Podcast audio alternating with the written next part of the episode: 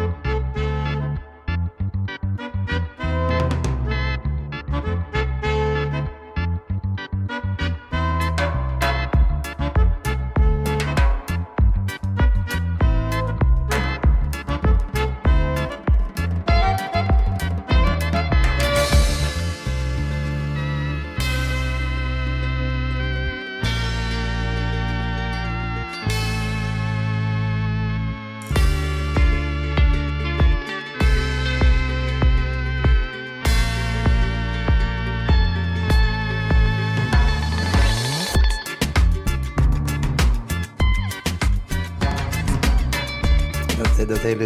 spirituele wereldje, denk ik voor de warboel.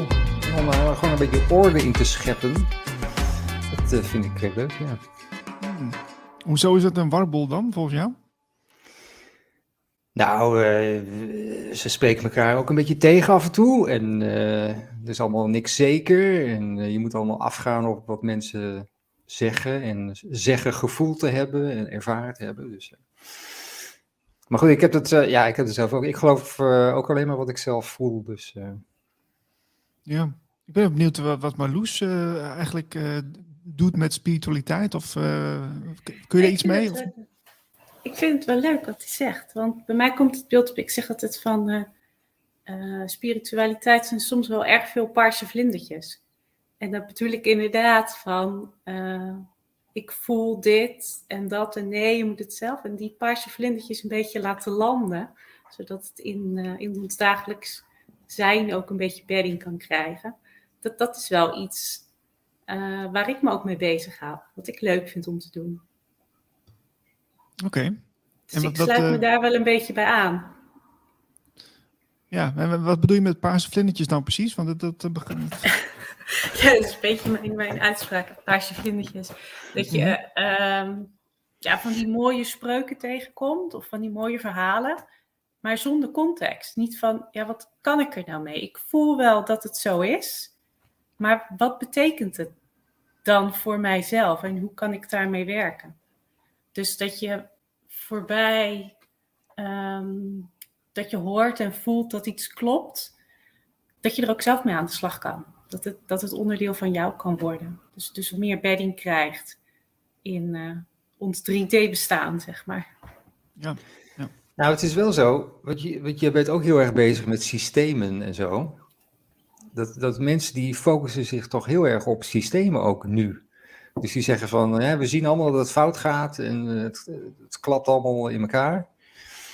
Maar eh, ja, dat, die, eh, dat inzicht naar binnen, dat kijken naar binnen, dat moet ook nog komen dan. Ja, dus je ziet dat mensen eerst herkennen in de grote systemen om zich heen wat ze niet willen. En daarop gaan reageren of tegen ageren, kun je wel zeggen. In verzet gaan. Maar goed, als je, dan weet je wat je niet wil. En dan komt de vraag, wat willen we wel? En dat is eigenlijk misschien wel mijn belangrijkste boodschap. Dat het belangrijk is te gaan kijken naar wat we dan wel willen. En dat begint bij onszelf van binnen. Want in ons hart kunnen we voelen wat klopt. En meestal voelen we eerder uh, welke kant we op zouden mogen gaan dan dat we het snappen. Het is natuurlijk best wel vaak dat je bijvoorbeeld een idee krijgt waar je super blij van wordt of heel enthousiast.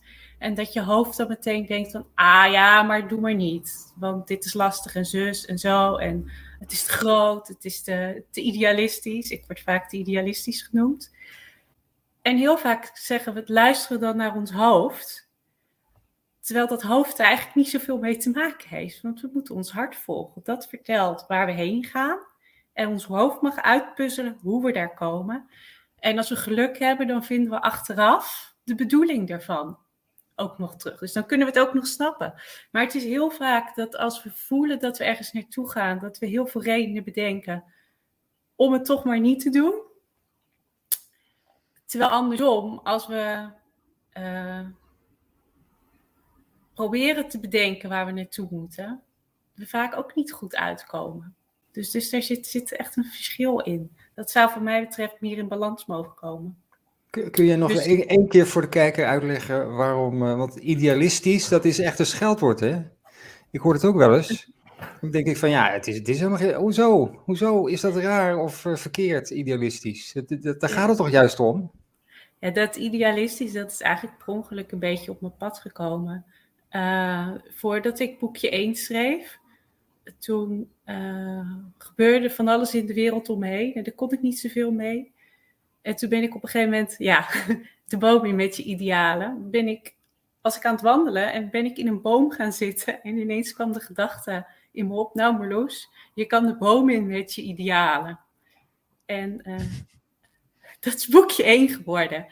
En toen ben ik ook gaan denken van, ja, wat betekenen idealen voor me dan? En, en, en ook bomen, want wat is het nou om bomen te klimmen? Dus ik ben heel veel in bomen gaan klimmen. Goed, dat is een ander verhaal. Het, het, is, het, hetzelfde verhaal, maar een ander stukje van het verhaal. Maar de bomen met je idealen. Nou, toen had ik boekje 1 uit en toen kreeg ik, of uh, geschreven, en toen kreeg ik inderdaad de, de reactie, uh, ook in een recensie terug, van het is wel mooi wat Marloes schrijft, maar het is misschien wel wat te idealistisch. Dus ben ik daar nog verder over na En ik denk dat, dat, dat we nooit te idealistisch kunnen zijn. Laten we nou eens vanuit onze mooiste dromen vertrekken. En eens kijken wat we echt zouden willen. Dat uitspreken. En dan kijken we later wel hoe ver we daar komen. Maar we laten ons zo begrenzen door de bestaande structuren en de bestaande belemmeringen. Waardoor we gewoon niet komen bij wat we echt zouden willen. Nou, sterker nog, ik, uh, ik merk de laatste tijd als je uh, dat een beetje laat varen, dat idealistische wat in je zit, uh, of een aantal onderwerpen, eigenlijk over alles, maar als je dat laat varen uh, en je gaat een beetje mee, je geeft een beetje toe aan mensen die een andere lezing hebben van het verhaal of zo, en dat, dat voel je, dat voelt, voelt niet goed. Het voelt gewoon een beetje, ja, ik, ik, ik voelt voor mij altijd, ik had het eigenlijk gisteren weer, dat je dan gewoon een soort van, ik wil niet zeggen het is geen pijn of zo, maar het is, het is een soort van uh, beklemmend gevoel van, oh, dit, dit klopt niet. En ik moet eigenlijk, moet, moet ik hier wat van zeggen. Oh, eigenlijk moet ik zeggen wat ik ervan vind. Uh, en dat, ja, in sommige situaties doe dat dan maar even niet. Maar als je dat dan achterwege laat, dan, dan, uh, dan voelt het niet goed. En dus eigenlijk wat je zegt, je, je kunt niet te idealistisch zijn. Dat klopt helemaal. Dus, dus als je dat als je daar aan toegeeft, dan ja, dat, dat, het voelt een beetje alsof je jezelf verlogent of zo. Herken je dat? Heb je dat wat meegemaakt? Uh, nou ja, ik werd dus vooral opstandig toen mensen me te idealistisch gingen noemen. Dat ik dacht, oké, dus ik moet water bij de wijn doen, want dat kan niet. En toen heb ik gewoon besloten dat ik dat niet wilde doen. Misschien is het niet altijd overal om mijn grote plannen, weet je. Ik heb ook geen zin om mijn verhaal te doen voor mensen die niet willen luisteren. Nee, nee. Maar het ik stoot wil heel wel... veel mensen af. Het stoot, tenminste, dat merk ik. Als ik, als ik, als ik echt werkelijk zou, uh, iedereen zou vertellen wat ik vind over heel veel dingen, ja, dan, uh, dan, dan stoot je wel veel mensen af. Ja, ik denk dat je ook niet hoeft te vertellen tegen mensen die toch niet willen luisteren. Ik, ik ik richt me liever op de mensen die wel willen luisteren en misschien samen met mij die kant op willen, zodat we het een beetje samen kunnen doen. En ik hoop dan ook, of ik merk dan ook, dat ik mensen tegenkom die voor mijn uh, vermeende obstakels al een oplossing hebben. Dus, dus als ik mijn droom zou kaderen naar een doel wat me haalbaar lijkt, dan kom ik nooit meer bij die droom uit. Terwijl als ik die droom communiceer, dat mensen uh, kunnen helpen die al oplossingen hebben. Of die misschien nog wel een betere toepassing of een mooier podium of nog iets extra's hebben. Zijn er bij jou ook mensen weggelopen? Net zoals bij, nou niet bij Niels, want die houdt gewoon zijn mond. Maar zijn er bij jou wel. Uh... jongen, jongen. In jouw wacht, omgeving. Wacht maar, wacht maar. nou, waar ik erg van schrok was op een gegeven moment op een verjaardag dat een tante aan iemand anders vroeg: uh, Ben jij voor Marloes? Ben jij ook voor Marloes? En die reageerde heel lief: Ik ben hartstikke voor Marloes. Maar toen ik dat later hoorde, schrok ik daar wel heel erg van. Want ik weet dat zij dus niet voor Marloes is. Dus zij zal er wel tegen Marloes zijn. En ik vond dat heel confronterend, dat mensen voor of tegen mij konden zijn. Net alsof ik een soort van wereldbeeld was, wat je kon supporten of niet. Ik wil niet dat mensen tegen me zijn, maar ik wil eigenlijk ook niet dat ze voor me zijn. Ik heb liever dat ze met me zijn. En dat we dan samen kunnen kijken naar wat er is en wat we daar eventueel kunnen doen. Ja, dus, je hebt uh, jouw eerste boekje, uh, De bomen met je idealen, heb ik hier zo kort ingelezen. Je bent organisatiewetenschapper. je denkt na over complexe systemen. Dus nou ja, dat, dat kon ook eigenlijk niet mis. Hè, dit. Dit, dit, dit moest ook wel zo zijn dat jij dit moest schrijven. Um, maar dit heb je geschreven in de coronacrisis, volgens mij. of net, net daarna of, net, of tijdens de crisis? ja, tijdens. Ja. Ja, het, het, is begonnen. Ja, de eerste zomer ben ik begonnen met losse gedachten op papier zetten en als blogjes op Facebook. En na de tweede lockdown heb ik het uiteindelijk als boekje geschreven. Ja, ja en, en wat, wat, uh, wat was nou eigenlijk de aanleiding? Was het alleen de, de COVID of waren er meerdere puzzelstukjes die op zijn plaats vielen of die niet meer op zijn plaats vielen? Of... Ehm, nou, ik voelde me, ik heb me eigenlijk altijd niet helemaal thuis gevoeld in de maatschappij zoals die functioneert, in die, in die systemen. En mijn oplossing was eigenlijk om daar gewoon een beetje naast te staan. Dus klein kringetje, mijn eigen ding doen. Ik heb samen met mijn vader een eigen uh, trainingmethode voor menpaarden ontwikkeld. We gewoon lekker samen gedaan. Bij hem in de achtertuin, dus hadden we ook niemand bij die zich daarmee bemoeide. Alleen toen die COVID-ellende begon en tijdens de eerste lockdown, toen gebeurde er zoveel in die gekke buitenwereld waar ik me altijd een beetje afzijdig van hield, dat ik niet vond dat ik mijn mond nog kon houden. Dus dat is begonnen met dat ik me heel erg zorgen maakte, direct al, om de sociale cohesie in de samenleving en de gevolgen die de maatregelen daarvoor zouden hebben. Dus mijn eerste schrijfsel was een brief aan de Tweede Kamer dat was vrij vroeg nog. Dus ik heb ook nog reactie gekregen van mensen. Best wel veel reactie en nog wel mailwisselingen gehad ook. Dus dat was eigenlijk waar ik mee begon. En, ehm, welke partijen waren daar, stonden daar wel voor open? Uh, uiteindelijk heb ik dus zelfs bijvoorbeeld van, de, van iemand van de VVD nog reactie gehad. Dus dat was eigenlijk wel heel divers. En ik denk dat dat ook komt omdat het een hele brede open brief was. Niet tegen van alles, maar meer echt mijn zorgen om. Hoe moet dat nou verder als we bang worden gemaakt voor elkaar? En een deel van die brief staat ook in dat eerste boekje.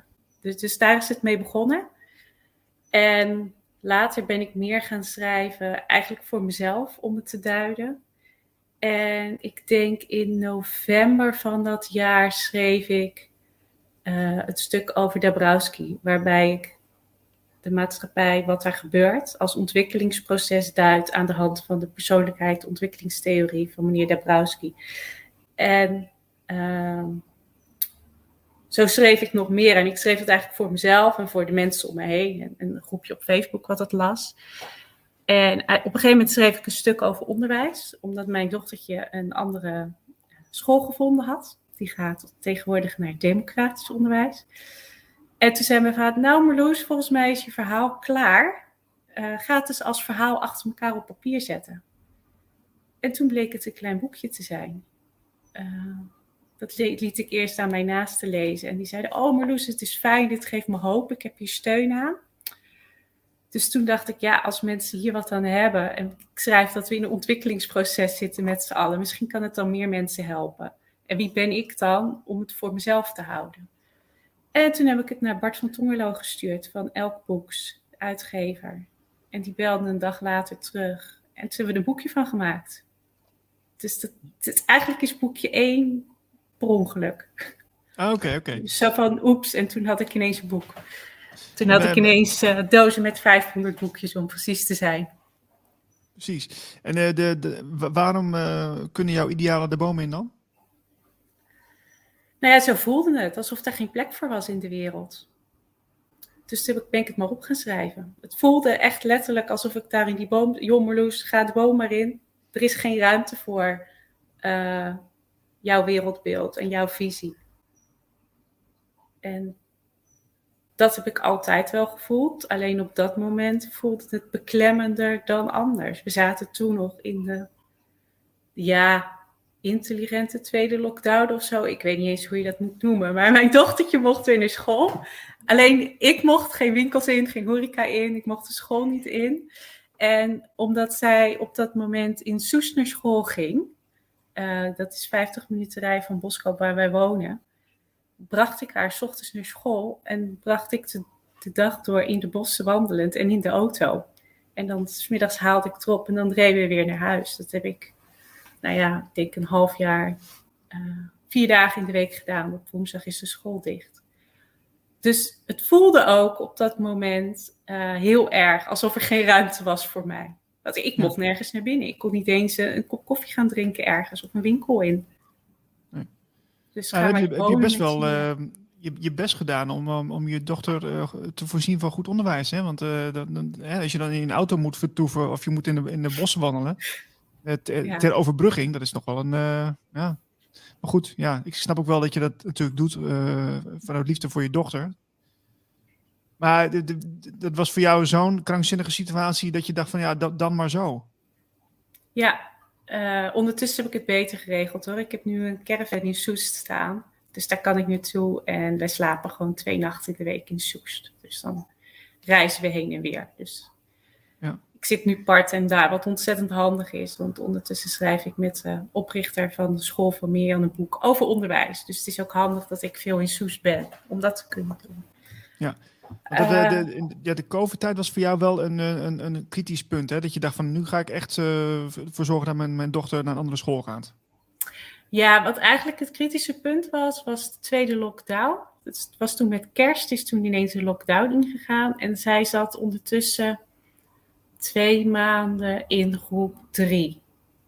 Nou, lang verhaal kort, was versneld naar groep drie gegaan. En in het nieuwe jaar begonnen wij dus vol goede moed met de leerstof van groep 3 aan de keukentafel. Nou, wij gaan school, school doen. Dat heeft nog geen week geduurd. En we waren echt, waren echt enthousiast samen. Dit gaan we doen, dit is leuk. En binnen een week had ik een uh, kind thuis waar niks mee, mee, mee, te beginnen was. Met woede-uitbarstingen, barsten, uh, slaan, schoppen. Maar viel gewoon niks meer mee te doen. En ik zat ernaast, dus ik kreeg ook een beeld op wat die lesstof nou eigenlijk was. En op dat moment zag ik in, ik dacht altijd dat het tempo niet goed was, omdat ze slimmer is dan gemiddeld, dat het traag ging. Maar nu zag ik dat wat ze moest doen zo weinig aansloot, dat dat tempo nooit kloppend zou zijn, omdat het gewoon niet uh, klopt met de manier waarop wij in het leven staan. En wat ik zag en waar ik ontzettend van schrok, was dat er niet geleerd wordt te rekenen of te lezen, maar dat er voornamelijk geleerd wordt aan verwachtingen te voldoen. Een heel praktisch voorbeeld is, ze kregen getallenlijn van 1 tot 30 en in plaats van dat ze dan uit gaan leggen dat je eenheden en tientallen hebt en hoe zo'n getal opgebouwd is, gingen ze gewoon die getallenlijn op acht verschillende manieren terugvragen. Dus in plaats van dat wij aan het leren waren hoe zo'n getallenlijn werkt, waren we aan het uitzoeken wat er per opdracht van ons verwacht werd dat ze moest doen. En toen ik dat zag, toen klikte er iets bij mij. Ik zeg, dit wil ik niet voor mijn kind. En ik herinnerde mijn eigen schooltijd, waarin ik me één, als het ontzettend verveeld heb, maar twee, ook bezig was om dat te voldoen aan verwachtingen. En ik zag ook de link naar de maatschappij van volwassenen die op dat moment heel hard aan het voldoen waren aan verwachtingen. En toen gezegd, we stoppen ermee. ik doe dit niet meer. En uh, toen had ik nog een paar weken lockdown om uit te zoeken wat dan wel. En toen is die school in Soest op mijn pad gekomen. En het is het meest radicaal ander onderwijs dat ik gevonden heb. Democratisch onderwijs. En volgens mij is dat ook nodig. En wat ze hier mag doen, is ze mag zelf haar lerend leven vormgeven. Dus als zij wil boompje klimmen, dan gaat ze boompje klimmen. En buiten spelen en knutselen en skileren en lezen als ze wil. En als ze wil leren rekenen en als ze les wil hebben over aardrijkskunde, dan gaat ze naar een stafje toe en dan doet ze een les over aardrijkskunde. Maar ze hoeft dus niet meer de hele dag aan verwachtingen te voldoen. Ja, je, je, onlangs heb je in Driebergen ook wat verteld over de democratische school. daar was ik bij. wil je nog even één keer uiteenzetten hoe, wat dat precies is? Wat het precies is. Nou, kern is zelf je lerend leven vormgeven. En de democratische school is dus eigenlijk een gemeenschap van studenten en stafleden die gezamenlijk school maken. Dus ze zijn met z'n allen verantwoordelijk voor hoe de school eruit ziet. Dus je kunt zelf beslissen en meepraten en moties indienen en al dat soort dingen. Er is dus geen uh, vaststaand curriculum wat zegt dat jij op maandag om twee uur van twee tot kwart over twee rekenlesje 37a moet doen dat, dat ga je zelf invullen. Dus eigenlijk is het leren, zou eigenlijk gewoon leven moeten zijn. En dat is hier. Dus door te leven, door op die plek te zijn. En ik praat dan graag over een school als gedeelde ruimte. Omdat je anderen tegenkomt. Dus omdat je samen in die gedeelde ruimte zit, ga je ook allerlei sociale processen leren. En je gaat van elkaar leren. Je gaat dingen nadoen, je komt dingen tegen. En doordat je in de wereld bent, dus in dit geval die kleine veilige minimaatschappij, die de ruimte is, die, die de school is, uh, kom je dingen tegen en leer je en ontdek je ook wat je wil leren. Heb je nou ook jouw dochter uh, in korte tijd uh, zien, zien veranderen? Ja, heel erg. Ja. Wat, wat zie je dan? Het, het, het meest opmerkelijke was direct al dat in de tijd dat ze op de oude basisschool zat, in het reguliere onderwijs, dat in de dagen dat ze op school zat, de weken dat ze op school zat, dat er taal achteruit ging, de taalontwikkeling, dus gewoon weer praten. Dat stagneerde niet eens, het ging achteruit. Op een gegeven moment hadden we herfstvakantie gehad en ze was weer een dag naar school geweest. En ik hoor mezelf zeggen, praten ze normaal? Dat ik dacht, wacht even, wat zeg ik nu? Maar haar taal ging dus achteruit in de tijd dat ze op school was. En hier gaat de, taal met sprongen vooruit. Dus taalontwikkeling is prachtig mooi. En dat was het eerste opmerkelijke verschil. Uh, eigenlijk educatie inhoudelijk, hè, waarvan je kunt zeggen ze leert meer of beter. Een ander verschil is dat ze ontzettende faalangst aan het ontwikkelen was. En die is weg, grotendeels. Dus op mijn tweede boekpresentatie heeft ze zelfs gezongen. Nou, dat was in die tijd echt ondenkbaar. Ze tekent weer, ze wilde niet meer tekenen, want ze moest op school tekenen. En ze moest dit en dat. Ze knutselt weer. Vond ze ook niet leuk meer, omdat ze niet vrij creatief kon zijn, maar precies diezelfde kip moest knutselen die iedereen moest knutselen. Oh, inspirerend. en, ja, en ze is veel zelfstandiger. Maar Marloes, uh, als ik dit zo hoor, dan is het nog uh, veel erger dan ik dacht, dat onderwijs. Dat is het ook. Ja, dat is het ook. Ik ben me dit ook echt uh, kapot geschrokken. Schrikbarend dit. Maar het is ook een verklaring waarom we in al deze idioterie terechtgekomen zijn. Want wij zijn, wij zijn allemaal, we hebben allemaal dat onderwijs gehad. Wij hebben allemaal geleerd om aan verwachtingen te voldoen. En als je nou eerlijk bent en je kijkt om je heen, hoeveel mensen zijn nou, nou ja, we hadden het over idealen en je hart volgen en daarvoor staan en geen concessies aan doen. Maar hoe makkelijk is het om te vervallen in voldoen aan verwachtingen van een ander? En ik zeg wel eens, misschien, ik heb voor mezelf een soort van regel bedacht. Hoe, hoe ga ik hier nou mee om? Hè? Want het is ook niet altijd makkelijk om te zeggen uh, wat jij denkt en voelt. Om eerlijk te zijn. Dus mijn stelregel is eigenlijk, ik probeer altijd eerlijk en aardig te zijn. En daarvoor staat eerlijk, trouw aan mezelf. En wat ik voel en wat ik denk. En aardig is de grondhouding om er toch met de ander uit te komen. Dus ik wil met de ander zijn in plaats van voor of tegen. Alleen dit kun je wel aan mensen vertellen.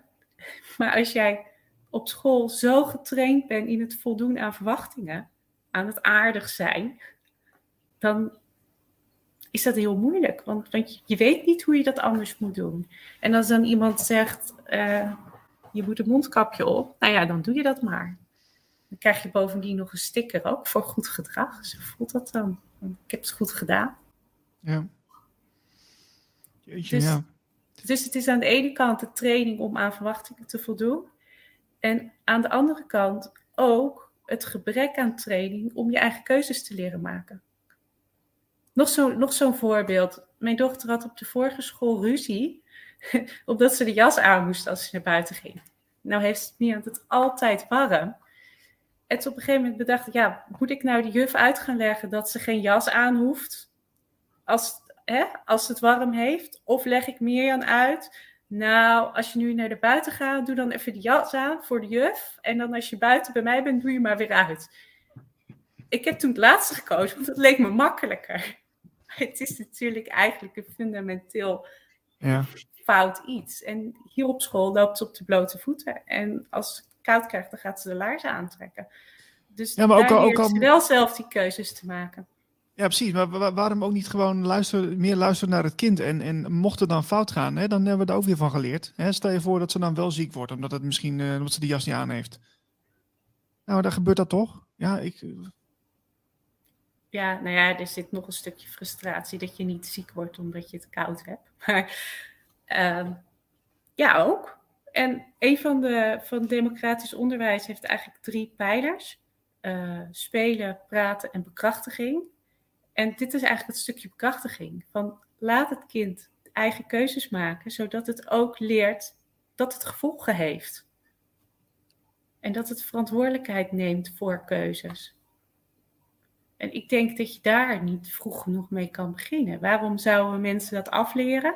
Dus we leren ze altijd tijd, doe maar braaf wat je gezegd wordt. Maak je werkje, doe, voldoe aan de verwachting. Dan krijg je een sticker van de juf. Daar zit die stickerjacht weer in.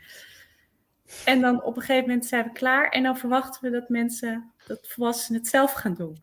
Ja. Nee, die, die volwassenen die gaan nog steeds op, op, op, op pad naar stickers. Die gaan nog steeds op stickerjacht. Tuurlijk, ja. Zo zijn we getraind, hè? Ja, we, passen, we, passen perfect in die systemen die daarvoor zijn bedoeld. Dus uh, ja, dat is een hele uitdaging. Ja, dus als we die systemen niet meer willen, uh, dan moeten we eerst zorgen dat we zonder die systemen kunnen. Ja, ja dat is wel eng hoor.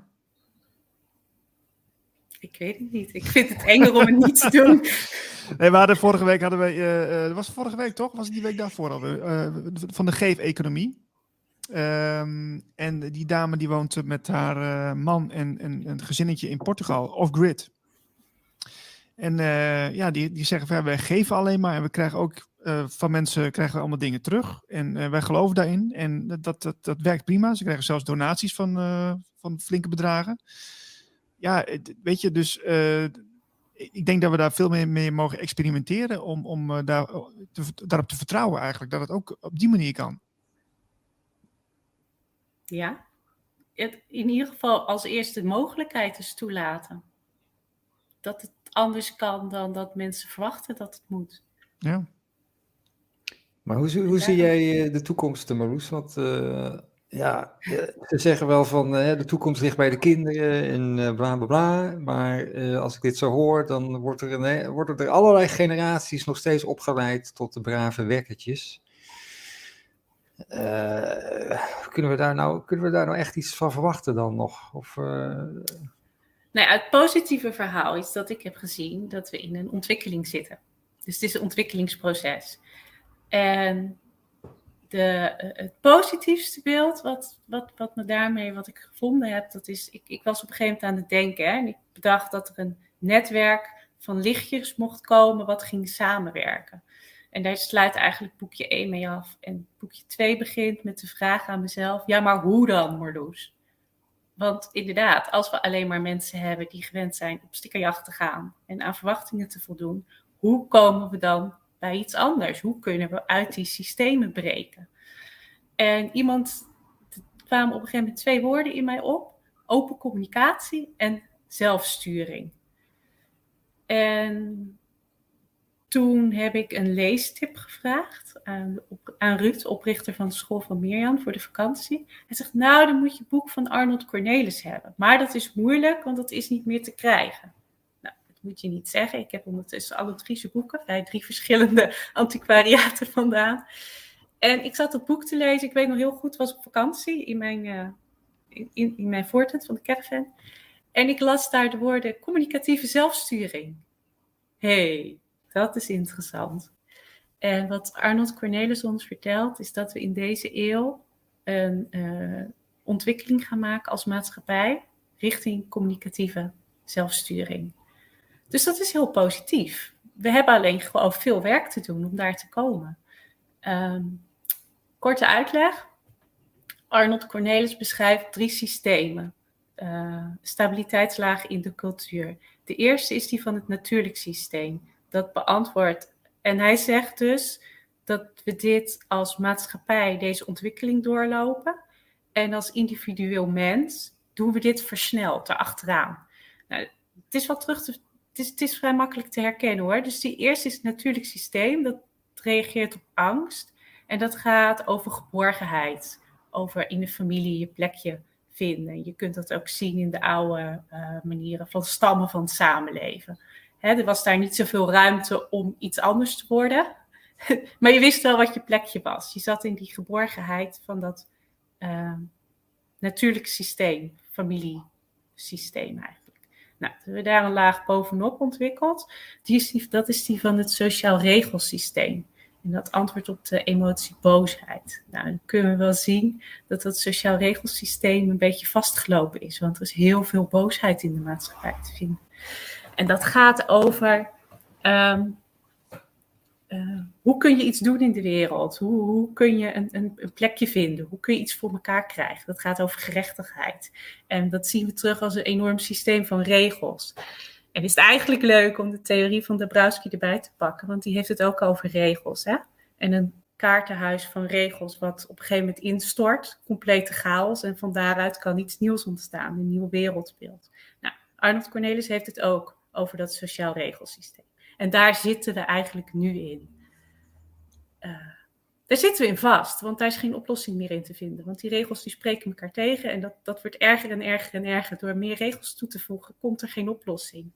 Wat gaan we dan doen? We gaan weer een laag toevoegen, die van de communicatieve zelfsturing. En dat gaat over leren waar je naartoe gaat. Het antwoord op de uh, gevoelde emotie verdriet. En verdriet gaat niet alleen over wat is geweest en nu niet meer is, maar ook over wat nog niet is. dan zijn we eigenlijk weer terug met Marloes in de boom met de idealen. De toekomst die ik zag, waarvan ik dacht, daar gaan we nooit meer komen.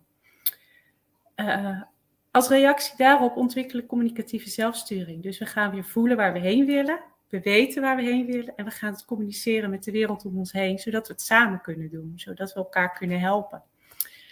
En hij heeft dit beschreven, ik meen al 1980 of zo. Dus hij heeft dit voorzien, dat, dat dit eraan zat te komen. En dat geeft mij heel veel hoop. Uh, dat we daar komen. En ik zie ook dat deze ontwikkeling gaande is. Ik zie het bij Mian op school. Dus mijn oplossing zou zijn: heel veel democratische scholen als oase van gedeelde ruimte in de samenleving, waar kinderen zelf kunnen ontdekken hoe ze het anders kunnen doen en waar ze voorbij het voldoen aan verwachtingen communicatieve zelfsturing kunnen ontwikkelen. Uh, heel gaaf voorbeeld is, we hadden laatst een oude kring op school. Uh, alles op school wordt georganiseerd in sociocratische gesprekskringen. Dus dat is een hele platte manier van uh, organiseren. En deze kring ging over de afgelopen twee jaar en wat de coronacrisis uh, had gedaan met mensen en waar nog een stuk geheeld mocht worden. Want ook binnen de school waren mensen lijnrecht tegenover elkaar komen te staan. En de eerste ronde uh, ging, was een beeldvorming waarin iedereen mocht vertellen uh, wat het met hem gedaan had. En de tweede beeld, beeldvormingsronde werd voorgesteld dat we een lijst zouden maken van thema's die nog aandacht nodig hadden. En dan zou de voorzitter van de oude kring die zou dan binnen de structuur van school gaan kijken hoe dat te adresseren was. En een vriendin van mij die zei: eh, Ik heb overwegend bezwaar, dit gaan we niet doen. Ik heb kortsluiting. Oh. Ze zegt: Dit voelt helemaal niet goed. Nou, dat is prima. En sociocratische gespreksvorming is heel mooi, want je mag een overwegend bezwaar hebben. Maar dan moet je wel met een alternatief voorstel komen. En ze zei: Ik stel voor dat we het volgende rondje allemaal vertellen wat wij wensen en wat ons eigen stap is om daar te komen. prachtig. Dus we kwamen van een voorstel om iets op te lossen binnen het sociaal regelsysteem, binnen die oude structuur, dus op de oude manier. Van noem maar een thema en dan moet dat binnen die structuur zijn weg vinden.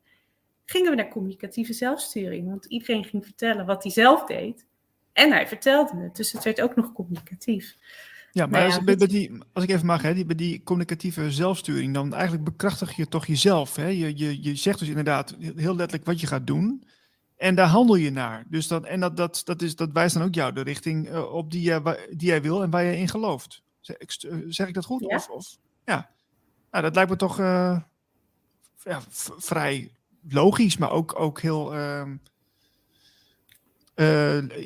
zelflerend daardoor. Ja, ja. En, en, het, en daar zit het stukje in, waar stuur ik naartoe? Hè? Dus je hebt een sturingsvraag, waar wil ik naartoe?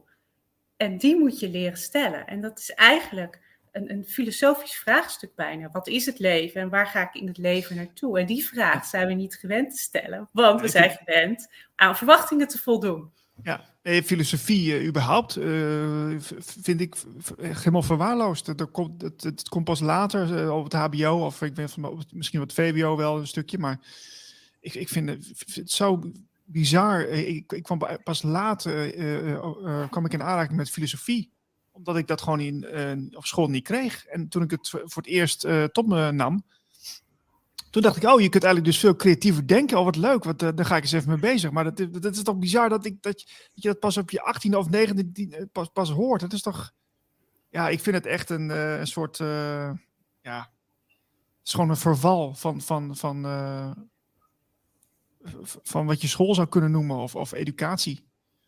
Nou ja, en ik denk ook dat wat we filosofie noemen, dat dat veel verder gaat dan weten wie wat heeft bedacht. Voor mij, ik heb het dan liever bijna over praktische filosofie, is het gewoon zelf de vraag stellen: wat is het leven en hoe kan ik dat leven en hoe kunnen we dat samen doen? En daar met z'n allen over praten. Dan wordt het praktisch filosoferen. Dan gaan we het bijvoorbeeld ook hebben over wat waarden zijn. En dan kom je erachter dat waarden voor iedereen gelden in plaats van belangen. En als we dan vanuit waarden gaan denken, dan ontstaat er weer een hele nieuwe range aan mogelijkheden. Maar uh, bij Mian op school is eigenlijk van jongs af aan ben je aan het filosoferen. Want er wordt gevraagd, wat is jouw idee? Wat heb je nodig? Wat ga je doen? En dat kader wel een heel leuke anekdote. Uh, mijn dochtertje is nu zeven en die vertelde, ja mama, ik heb de vraag, wat is het nut van het leven? Nou, dat is een mooie vraag. Ik zeg, uh, ja, zegt ze, ik had bedacht om dat op te lossen. Ik zeg, oh, ja, ze had de uh, tablet of de iPad op school gereserveerd. Dat kan, kan je voor inschrijven.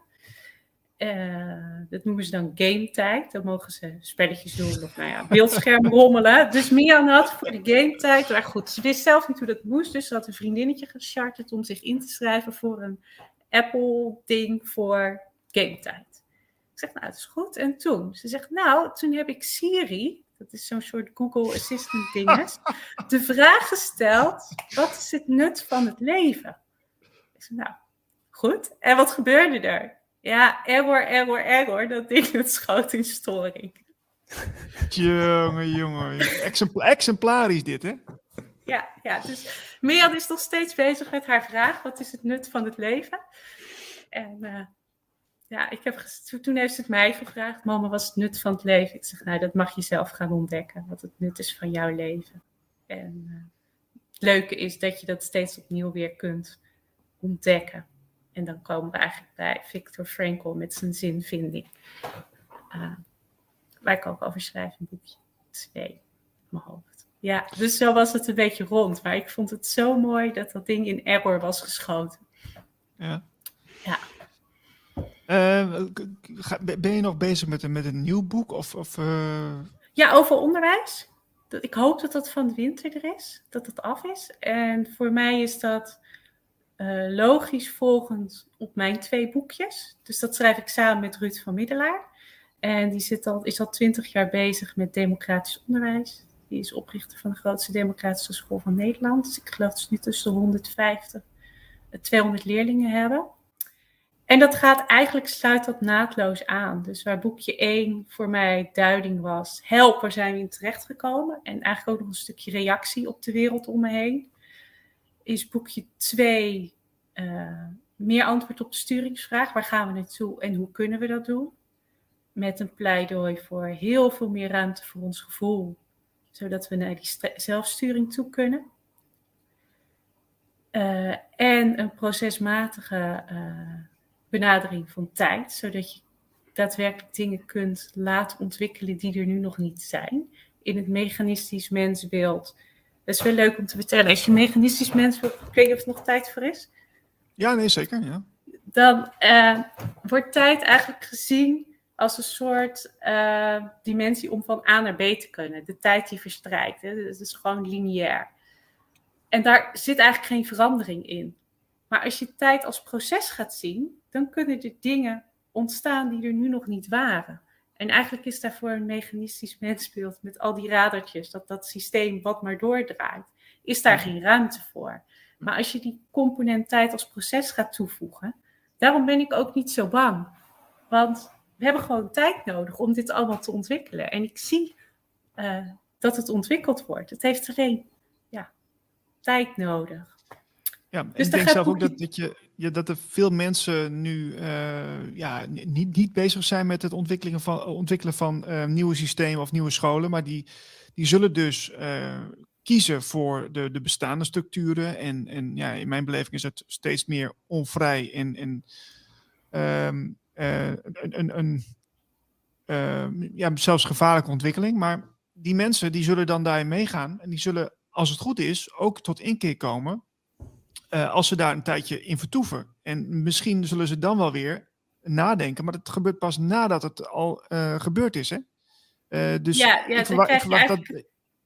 Het ja. verhaal van Dabrowski in, Dabrowski's ontwikkelingstheorie, die zegt je hebt verschillende fasen.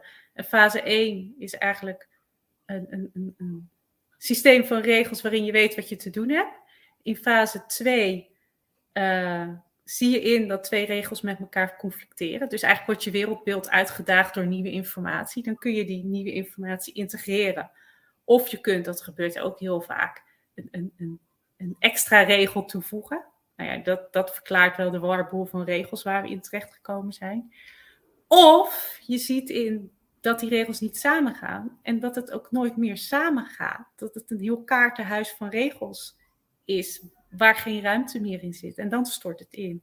En dan kom je in fase 3 van desintegratie. En hij spreekt van positieve desintegratie, omdat dat is zeg maar de fase van depressie, existentiële depressie zelfs, waarin je het gewoon niet meer weet. Maar als je daar zit en heel dat kaartenhuis, heel dat extern gedownloaden, ge, uh, aangeleerd regelsysteem, wereldbeeld stort in, geeft het ruimte voor iets nieuws. En dan kom je in fase 4, waar je kunt bouwen aan een eigen wereldbeeld vanuit eigen waarde. Waarin je dus ook jezelf sturing kan geven. En ik werd zo blij toen ik Arnold Cornelis ontdekte, want Dabrowski kende ik al veel langer, uh, omdat het zo mooi op elkaar aansluit. Wat deze mannen hebben bedacht. En dat is fijn, want dan zal het wel kloppen. En ik kan het toepassen en ik kan het zien nu. Dus ja, eerst moet de boel instorten. Positief eten. En daarom hou ik van chaos. Omdat die chaos nodig is. Dus ik zeg heel vaak tegen mensen: gebeurt, gaat er weer iets mis? Dan zeg ik: Oh, meer chaos. Mooi. Alles volgens plan. Ja. Zoals, uh, zoals Littlefinger al zei: chaos is a ladder. Chaos is een ladder. Daar kun je nou, ja. mee omhoog. Je kan uh, dat gebruiken.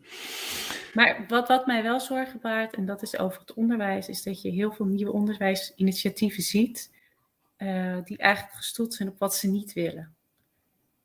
En ik wil, vind het wel fijn dat als we onze kinderen in een setting zetten, dat we dan weten wat we wel willen. Dus dat we vanuit die reactiemodus naar een creatiemodus komen. En dat probeerde ik eigenlijk net te vertellen. Dat mijn eerste boekje is misschien een reactie op de wereld. Help, wat is hier aan de hand? Hoe kan ik dat duiden? En hoe geeft dat weer een beetje hoop? Omdat ik het als ontwikkelingsproces kan zien. En boekje twee is voor mij creatie. Dus, dus de sturingsvraag, waar gaan we naartoe en wat hebben we daarin te doen? En het derde boekje is co-creatie, want dat schrijf ik samen. En dat is natuurlijk het toepunt van communicatieve zelfsturing. Nou zie, nou zie ik wel allemaal mensen, ook uh, niet alleen in, uh, in het onderwijs, maar ook bij bedrijven en zo, die gaan het dan ook helemaal anders doen. Die willen het anders doen. Een nieuwe uh, vergadertechnieken en, en werklocaties of weet ik wat. Maar ik proef er altijd een beetje in, ja, die, die willen wel wat anders. En die willen hun personeel ook wel te goed, of tegemoet komen. Maar die hebben nog steeds als doel dat alles zo moet blijven zoals het nu is. Ze willen er alleen op een andere manier naartoe komen. Ja, ik, ik zou misschien nog wel een stukje verder willen gaan. Dat er een heleboel mensen zijn die willen de wat wel anders. Vooral in de, in de demo- of de verzetwereld zie je dat veel. Van, hè, we willen een andere manier van voedselvoorziening en weet ik veel alles wat. Maar de hoe verandert niet zo. Want ze beginnen nog steeds met het stellen van een doel het maken van een structuur met rollen en acties die worden gedaan. En daaronder komen de mensen. En die moeten dan in die plannen worden geperst. En dat werkt niet. Want dat willen we niet meer. We willen niet meer aan verwachtingen moeten voldoen. We willen zelf sturen. We willen zelfstuurder worden. Want dat is wie wij zijn. We willen doen wat wij voelen dat we te doen hebben. En zolang die shift niet gemaakt wordt, gaat er niet wezenlijk iets veranderen. Dan is het gewoon een soort nieuw spelletje. Maar het blijft in die top-down structuur. Ja, maar dat, dit dus heeft ook te maken met, met de, waar je autoriteit aan geeft. Hè? Want heel veel mensen zijn nog steeds bezig met die buitenwereld. De, de machthebbers die moeten uh, hun, hun uh, mening herzien en die moeten uh, ons anders gaan besturen. En dan en dus we eigenlijk vragen we bij een demonstratie eigenlijk weer aan die autoriteiten: ga het anders doen. Eh, denk er nou over na en ga, ga, echt andere keuzes maken. Dan hebben we beter beleid en dan kunnen wij weer normaal verder met ons. Uh, ja, nou, eh, maar dat is dus precies waar we mee moeten stoppen. Want, want, wij moeten zelf die autoriteit claimen. Wij zijn, de, wij zijn de mensen in deze wereld en die mensen die daar in Den Haag zitten. Ja, weet je, kun je nog honderd jaar op wachten. Die gaan niks anders doen hoor. Nee, maar het is ook de oplossing niet. Want dan blijft het die structuur van bovenaf die zegt: dit zijn de doelen en dit. En, en voeg je daarin, voldoe aan die verwachtingen. Alleen de verwachtingen zijn misschien anders. Dus heel veel mensen die zeggen ook niet: we willen echt meer vrijheid. Nee, we willen gewoon onze regels in plaats van die anderen, want die passen ons beter. En dat, dat is de in mijn ogen de werkelijke uitdaging waar we voor staan. En daarom duurt het ook zo lang. Omdat dat ontwikkeld moet worden. En dat heeft dus aan de ene kant nodig dat mensen durven te gaan experimenteren met nieuwe manieren van samenwerken. En dat mensen leren wat zelfsturing is, zichzelf sturing te geven. Ja. Dus nou ja, ideaal gezien, dit gebeurt dus op democratische scholen. Want daar krijgen die kinderen de ruimte om zelf manieren van samenwerking te leren. Maar wij zouden dat ook mogen doen. Alleen wij hebben die ballast van die indoctrinatie, van dat top-down systeem. Kijk maar naar een heleboel uh, nieuwe wereldinitiatieven. Die zijn nog steeds volgens die oude top-down structuur neergezet. En ik zou zo graag willen dat we beginnen vanuit de mens. Dus ik heb een soort tekening gemaakt waarbij ik de mens als kruisjes teken in een rondje. Ik zeg, nou, we gaan eerst praten met elkaar over wat wij van waarde, wat wij echt belangrijk vinden, over onze waarden. Nou, dan zul je heel snel zien dat waarden voor iedereen gelden. Misschien niet welke jij het belangrijkst vindt of welke je eruit pikt.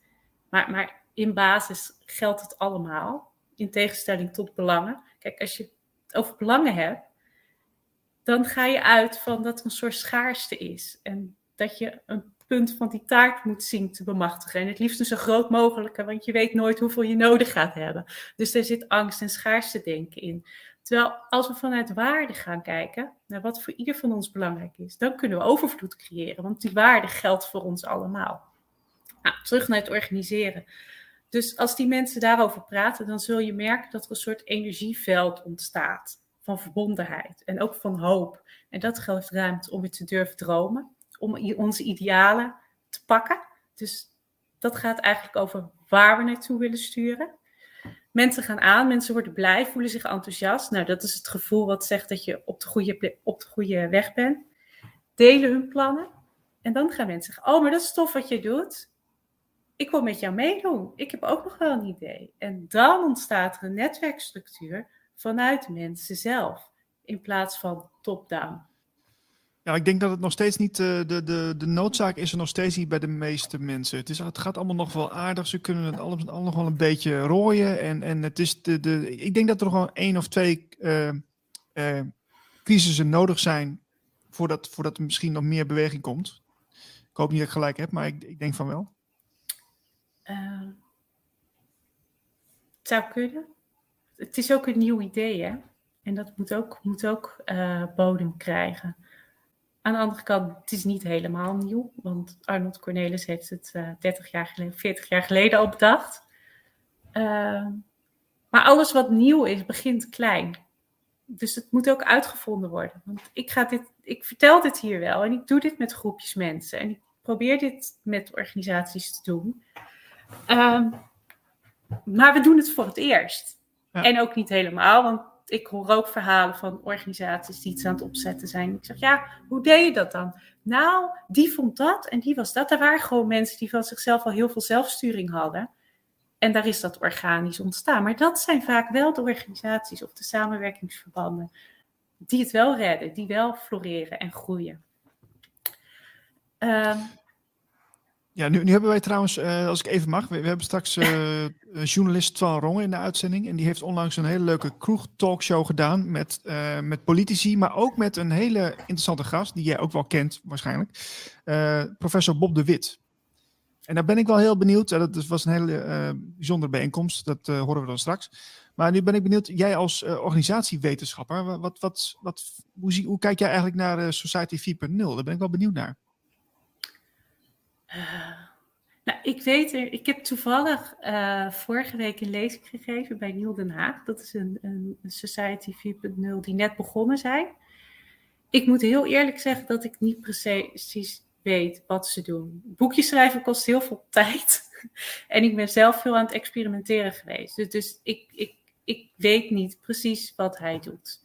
Ik, ik denk okay. dat, het, dat het heel belangrijk is dat die groepen mensen bij elkaar brengt om uh, uh, na te denken over nieuwe dingen opzetten.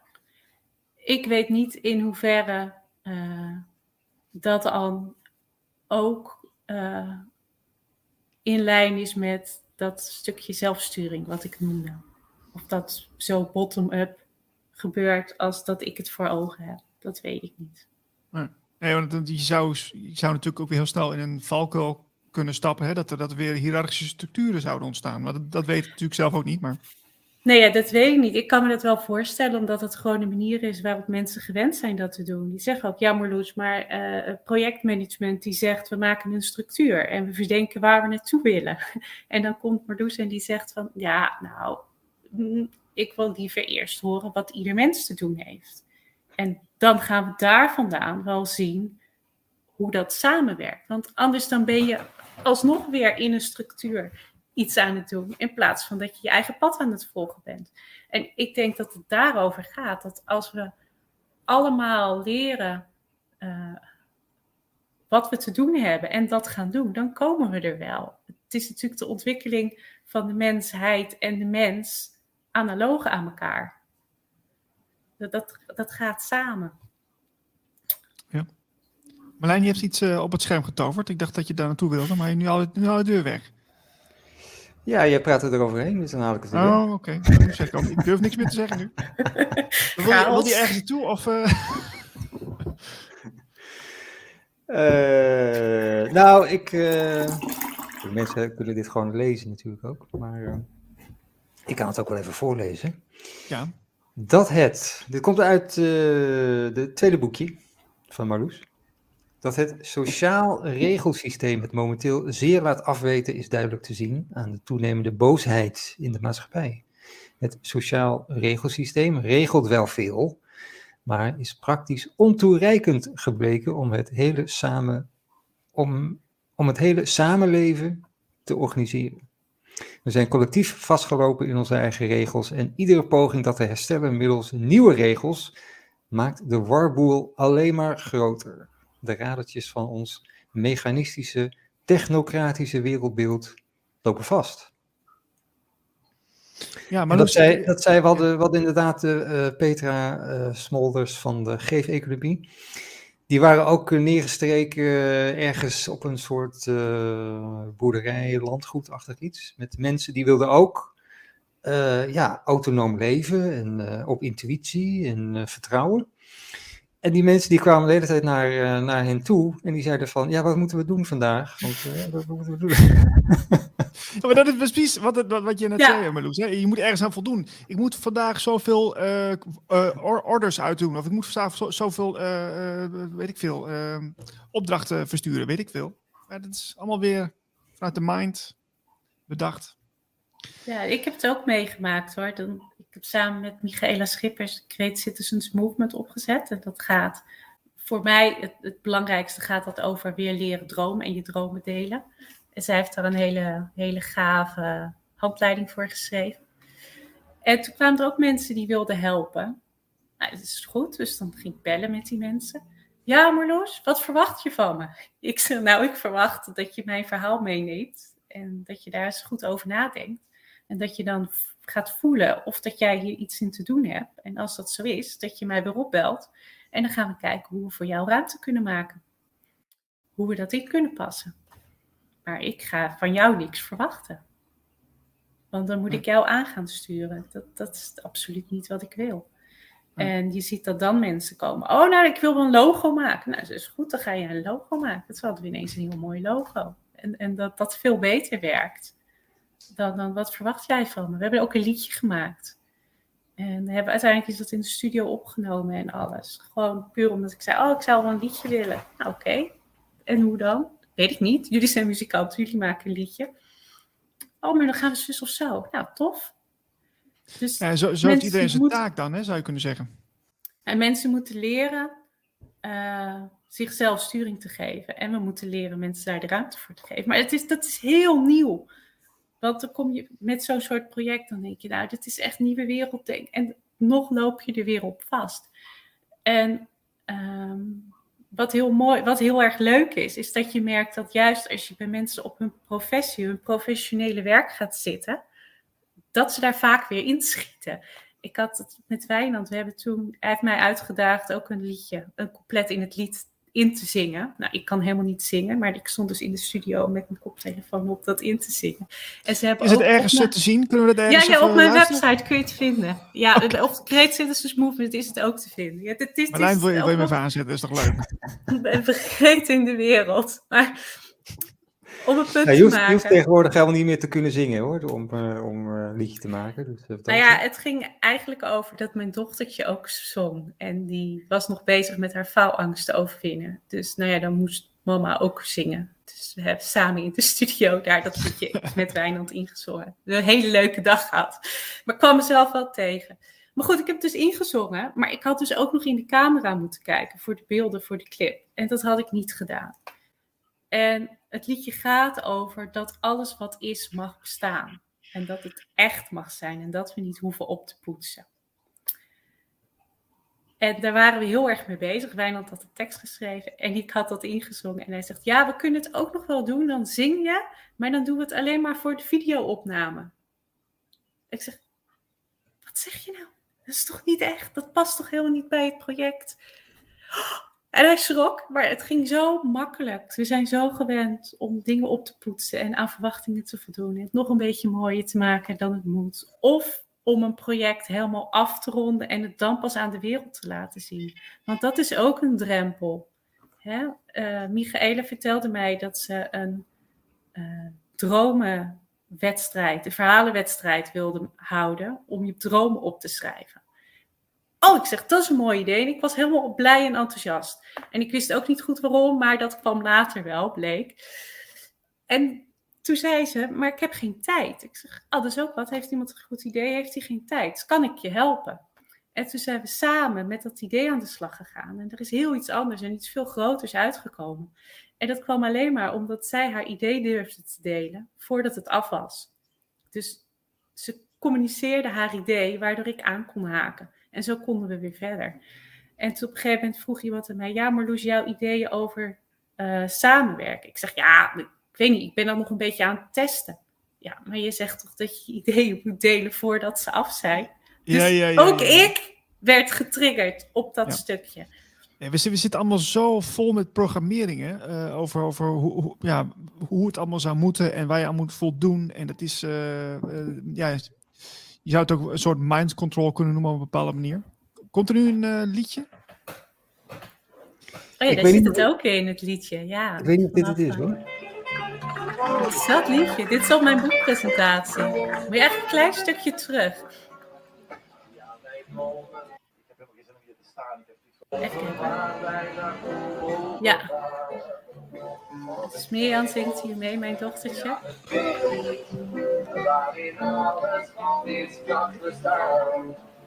Ja, ik denk mij eigen dromen. En uh, dat zijn papa en ik met ons paard, met ons racepaard. In de nieuwe wereld Ja, wij komen, we samen over waar wij naartoe mogen gaan. Van een wereld, ja een wereld, waarin alles nog is wat bestaan. Ik heb problemen. Oké, okay. mooi. Je, wat, wat een grote, grote plek daar, hè? Is het, uh, veel ruimte bij, bij je huis daar, of niet? Dit is bij mijn ouders. Ja, ah, een heel mooi plekje. Ja, dit, dit zijn niet, is niet, niet de opname waar ik het net over had, maar dit is tijdens de uh, boekpresentatie van mijn tweede boekje opgenomen. Ja. ja. Zou jij, en, uh, de, ja, zou je mensen die dus nu bezig zijn met um, het, het, het, durven aangaan van, van uh, uit het systeem, zeg maar, en, en wat jij mee bezig bent, nieuwe scholen opzetten, nieuwe systeem, andere systemen opzetten, um, of daar durven uit te stappen, dat is misschien beter. Zou, zou je die mensen kunnen zien als meer volwassen? Nee, ik denk dat het voorlopers zijn. Dat we, gaan, we zijn in ontwikkeling en we zijn allemaal onderweg op dat pad. En we zijn niet allemaal even ver en we hebben niet allemaal hetzelfde pad te bewandelen. Um, het zijn wel vaak mensen die toch dicht bij hun gevoel zijn gebleven. Alleen, ik moet, moet wel heel eerlijk zeggen dat ik ook onder de zogenaamde wakkere mensen ook veel stickerjagers nog tegenkom. Die zijn dan bezig om de beste wappie te zijn of zo. Zoiets. Um, de wappie-stickerpunten. Dus, ja, maar ja, dus, goed. Ja, wat, wat, is een Er zit dan ook nog weer, weer iets in. Hè? Dus, dus ik schrijf ook van, ja, is, wat, wat is een wak, wakker wappie? Is dat dan iemand die ziet dat, het, dat er een boel niet klopt en daar tegen in opstand komt? Mm Misschien moeten we wel beter bewuste beginners zijn. Dat, dat, dat we snappen dat we nog zoveel te leren hebben en daarmee bezig gaan en dingen durven. Uh, te, dat we durven te twijfelen. Ik denk dat, ik, dat dat is wat ik het meest zou wensen: dat mensen durven te twijfelen en het niet weten en echt op zoek gaan naar nieuwe dingen. Dus meer volwassen, nou ja, dat, dat weet ik niet. Maar er, zijn, er gebeurt een heleboel en ik zie een heleboel mooie dingen gebeuren. En ik zie een heleboel mensen toch nog een zijpaadje opschieten. Ik denk, nou, ik denk niet dat we daar uiteindelijk uit gaan komen. En ik ben ook maar op zoek. Uh, ik heb er alleen voor gekozen om mijn weg en mijn uh, verhaal te delen. Omdat het misschien anderen inspireert en hoop en moed geeft. Om ook hun pad te gaan. Zo is het. Uh, ik heb ook uh, in jouw um, pakketje heb ik een, een, leuke sticker. Ja, wat is het? Ja, is dat stickerjacht ook trouwens? Zit, zit erbij in? Ja, ja, ja. Ik heb... met, met echte stickers. Dus mensen die houden van stickers, die kunnen, ze, uh, die kunnen heerlijk hun gang gaan. Maar wat, is, is dat gewoon een leuk hebben dingetje of zit er nog iets nou, het, het is eigenlijk een grapje, maar wel een serieus grapje. Want toen we het hadden over de boekpresentatie plannen, toen vroeg ik aan mijn dochter, wat zullen we dan doen? Ja, een speurtocht. Ik zeg, een speurtocht, een stickerjacht. Ja, we gaan op stickerjacht. En een van de hoofdstukken heet ook stickerjacht. Er staat ook een blog op mijn website over stickerjacht. En daar vertel ik dit eigenlijk in. Hè? Dat mensen bezig zijn met voldoen aan verwachtingen. En continu maar uh, op zoek zijn naar externe goedkeuring. En dat we die niet nodig hebben als we ons interne waardesysteem en wereldbeeld hebben opgebouwd. En ik wilde heel graag dat iedereen die daar die dag was, helemaal doordrongen was door wat het thema stickerjacht inhoudt. Dus ik heb dat helemaal opgeblazen. Dus wij zijn die dag op stickerjacht gegaan door mijn boekje. En ik heb alle hoofdstukjes afgestickerd. En ik heb ook een stickerjachtkaart gemaakt met opdrachtjes als klim in een boom en kom er weer uit. Schrijf je eigen letter to the future en uh, liedje voor het uh, dromenliedje. Of een compleet voor dromenliedje. En nog wat meer. Maar eigenlijk wat ik het belangrijkst vind, en ik heb hem hier ook, is de achterkant. Want die is, die is leeg. En Mhm. uh, daar kan je je eigen stickerkaart maken. Dus dan kun je opschrijven wat jij nou belangrijk vindt, wat jouw waarden zijn. En jezelf sturing geven. Dus, dus het is een grapje, maar wel, wel met een serieuze boodschap. Heel Dus, goed, eh, ja. En eh, zit je nou nog regelmatig in de boom ergens of niet? Ik ben wel blijven boompje klimmen, ja. Dat Ja, het is toch weer het kind wat een be- beetje weer naar boven komt, hè? Dat is toch ook wel weer leuk. Ja, het was voor mij ook. Ik, ik was op een gegeven moment wandelde ik in die duinen, in die lockdown, dat ik nergens mocht. En toen vroeg ik me af, wat is vrijheid nou voor mij? En ik wist het eigenlijk niet zo goed. Dus dat werd een zoektocht naar wat is vrijheid. En ik kwam terug bij de auto nadat ik gelopen had. En ik had honger, dus dacht ik ga lunchen. Hoe laat is het eigenlijk? Oh, het is 11 uur. Oh, dan moet ik nog maar even wachten. Moet ik nog maar even wachten? En later zat ik te lezen op de achterbank en ik had zo'n groot kussen bij me en ik had raampjes open en ik hoorde de vogeltjes fluiten en ik was echt heel gelukkig. Totdat ik bedacht, hmm, nou eigenlijk wel eh, een beetje sneu vrouw, zo alleen op de achterbank van de auto. Wat vrijheid. En toen uiteindelijk liep ik over die zandduinen van Soest en ik zag hele mooie klimbomen en ik durfde vroeger nooit boompje te klimmen. Dus ik dacht, oh, zal ik dan nu?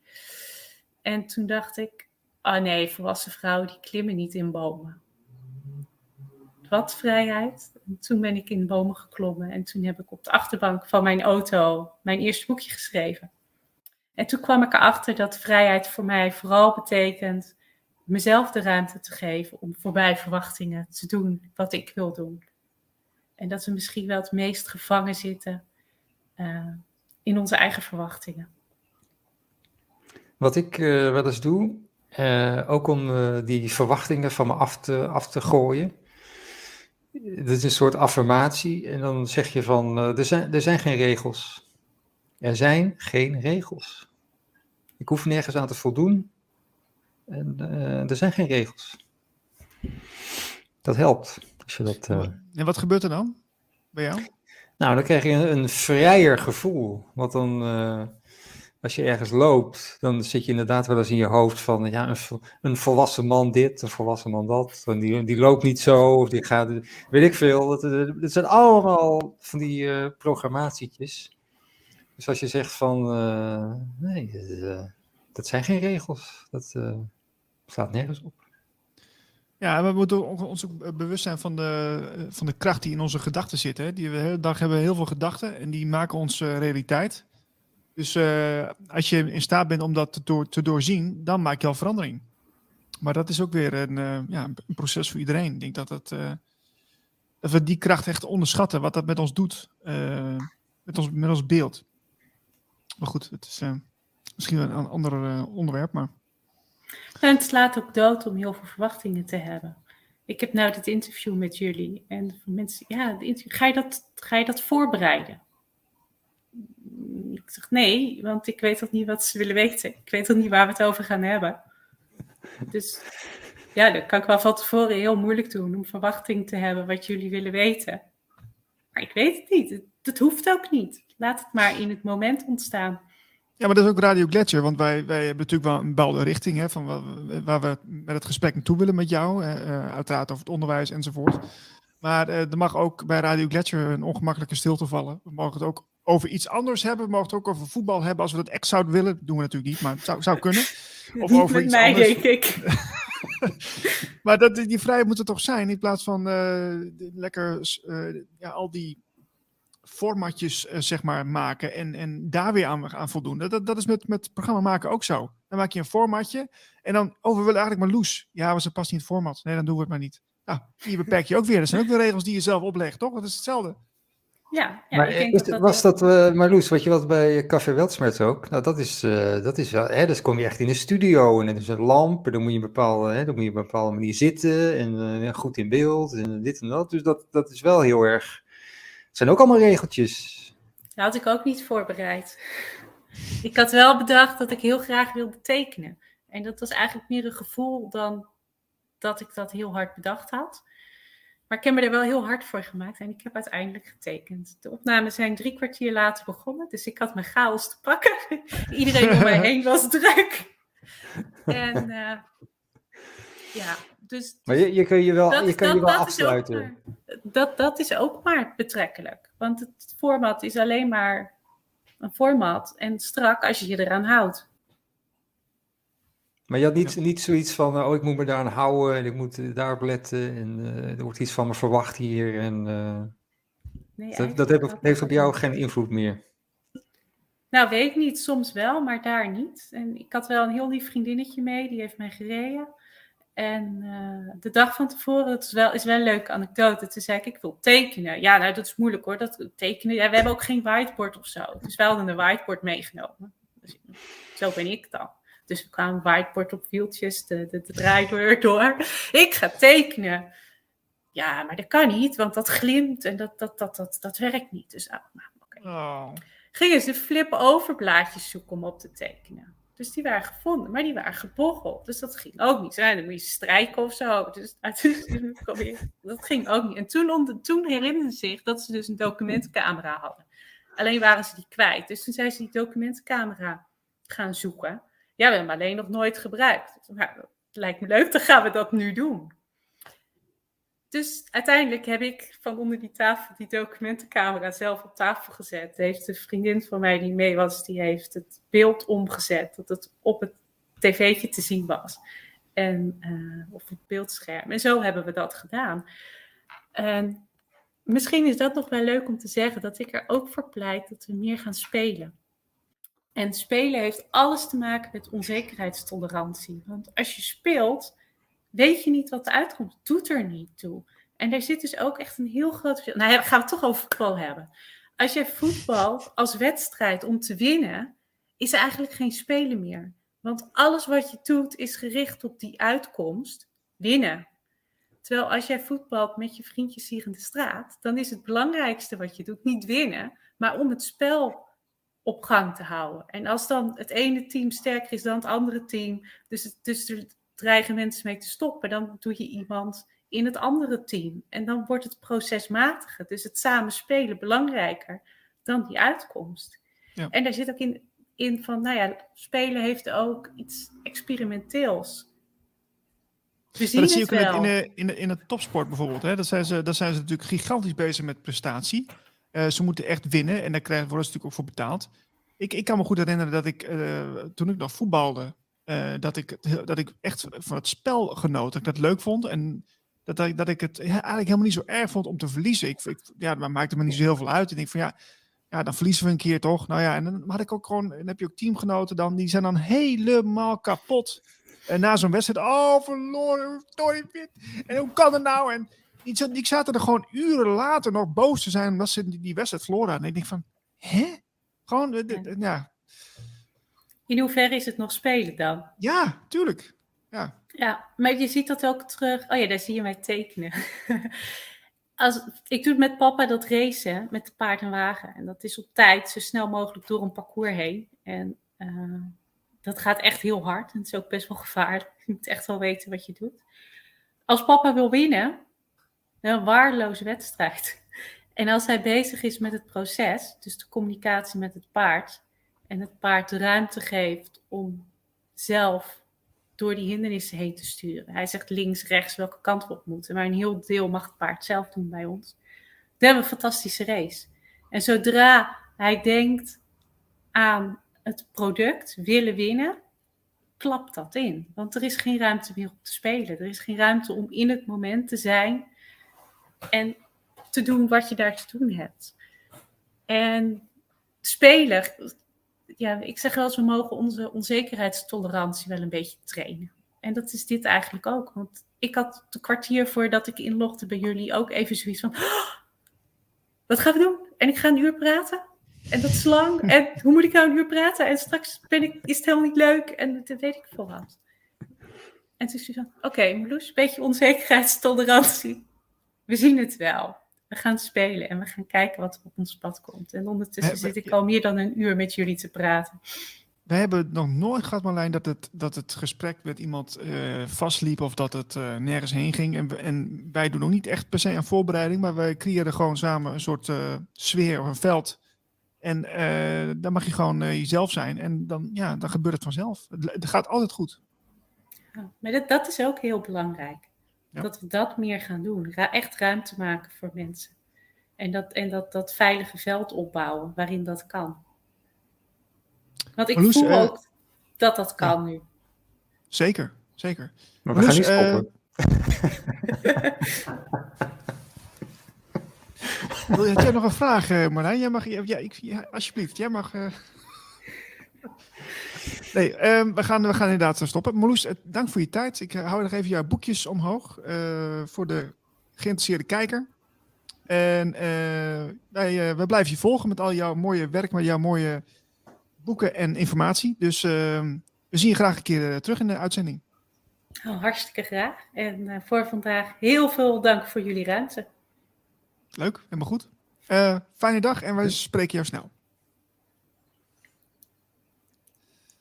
Oké, en Marlijn, we gaan zo meteen eh, met een ander onderwerpje verder. Twan Rongen.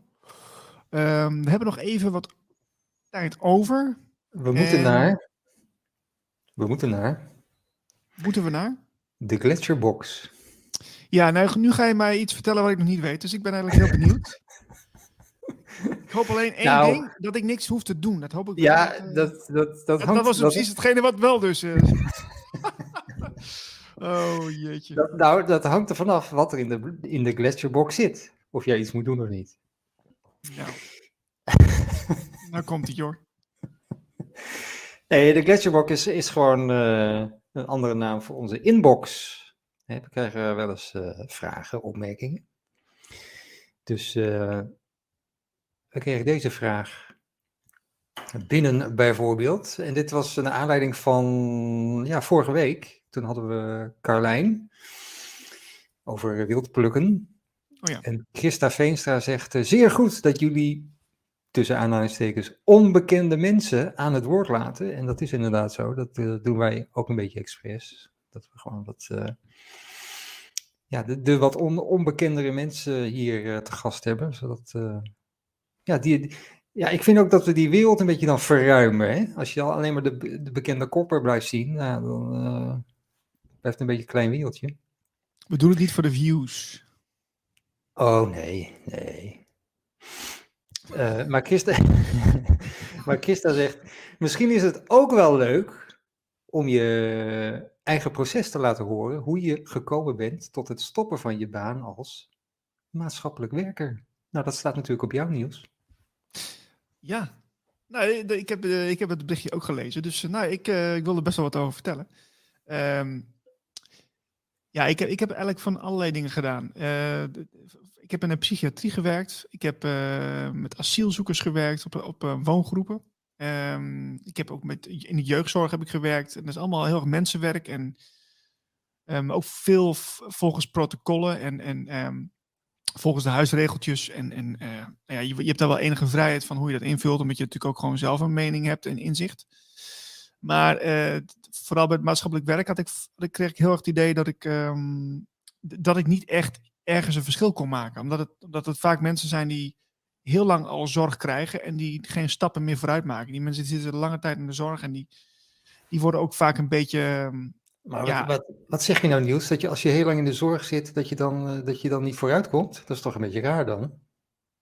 Ik heb het over de, de, ik heb het over de, de deelnemers, hè, de mensen die ik be- dan begeleid. Die blijven dan een beetje zitten, dat bedoel ik. Ja, die, komen niet, ja. die, die, die komen niet. Nee, dit zijn vaak mensen. Tuurlijk zijn er ook eh, succesverhalen. eh, maar toch, wat ik gezien heb, het is ook heel veel langdurige zorg in Nederland. En ja, mensen die, eh, ehm, ja, die, die vastzitten en die, die, eh, die, die, daar wordt dan gesproken over bepaalde problematiek. Eh, en die, die, die hebben dat en die, die houden dat. En ja, die, die willen ook, en die kunnen misschien ook niet. En daarin, daarin had ik heel het gevoel van, nou, waar, waarin kan ik nou het verschil maken? En eh, toen kwam ik eigenlijk tot de conclusie van, ja, dat, dat, dat is volgens mij minimaal. En eh, aangezien ik zelf ook op mijn eigen manier dan creatief ben, met, met presenteren en zo, met muziek in het verleden en nu ook met informatie delen, podcast maken, dacht ik van nou, ik wil, dat, ik wil datgene verder uitbreiden, omdat dat daar meer mijn hart ligt. En toen ben ik gestopt, uh, omdat ik dacht van nou, nu moet ik ook dat zelf mogelijk maken. En niet wachten tot iemand anders het voor mij gaat doen. Ik moet het, ik moet het zelf doen. Want ja, er is, er is een gevoel, een soort wens, dat ik denk van nou, dat, dat wil ik. Dus dan moet je daar niet, dan moet je op het juiste moment wel instappen. Dus dat heb ik toen gedaan. Dat was maart 2021. En nou, we zijn dus nu gewoon uh, een ruime tijd verder. En ja, het is toch gelukt om, om ook gewoon de week invulling te geven, maar ook om, om er genoeg van, van, te, ja, van te verdienen, aan te verdienen aan, aan dit werk. Maar je dacht eigenlijk van, ik ga podcasten, want dan heb ik eigenlijk meer invloed op om die mensen te helpen dan. Nou, kijk, je kunt natuurlijk, als je naar het collectief kijkt, als je, als je ziet een collectief als een grote bol, en uh, je, je kunt daar wel in het midden van die bol gaan staan, van, van nou ja, ik ga van binnenuit iets doen. Of je, je kunt van een hele andere kant uh, andere mensen uh, beïnvloeden, zodat dat bewustzijn omhoog gaat, zodat er ook ergens in die systemen scheurtjes komen. En dat, er, dat mensen andere keuzes gaan maken, zodat die, uiteindelijk de mensen die je wil helpen, uiteindelijk wil je iedereen natuurlijk helpen als het even kan, maar dat dat op die manier dan wel een soort uh, beweging krijgt die jij wil. En zodat ik dacht van, ik wil dan, dan op, die manier, op die manier maar impact, impact maken. Um, ja, en, en dat, dat voelt voor mij beter. En uh, ja, ik krijg tot, tot, eh, tot, op, tot op heden krijg ik heel veel positieve reacties op mijn uitzendingen en mensen die het waarderen. En doneren, dus uh, ook bij deze. Dus als mensen zeggen, nou, ik vind het leuk wat je doet, je kunt doneren. Dat kan ook bij Marlijn trouwens ons een steuntje in de rug geven, zodat we door kunnen gaan met de uitzendingen. En uh, ja, dat, dat waardeer ik heel graag. En ik doe het ook echt puur omdat ik het daarin geloof. En uh, ja, geen commercieel oogpunt tot nu toe. Dus heel zuiver.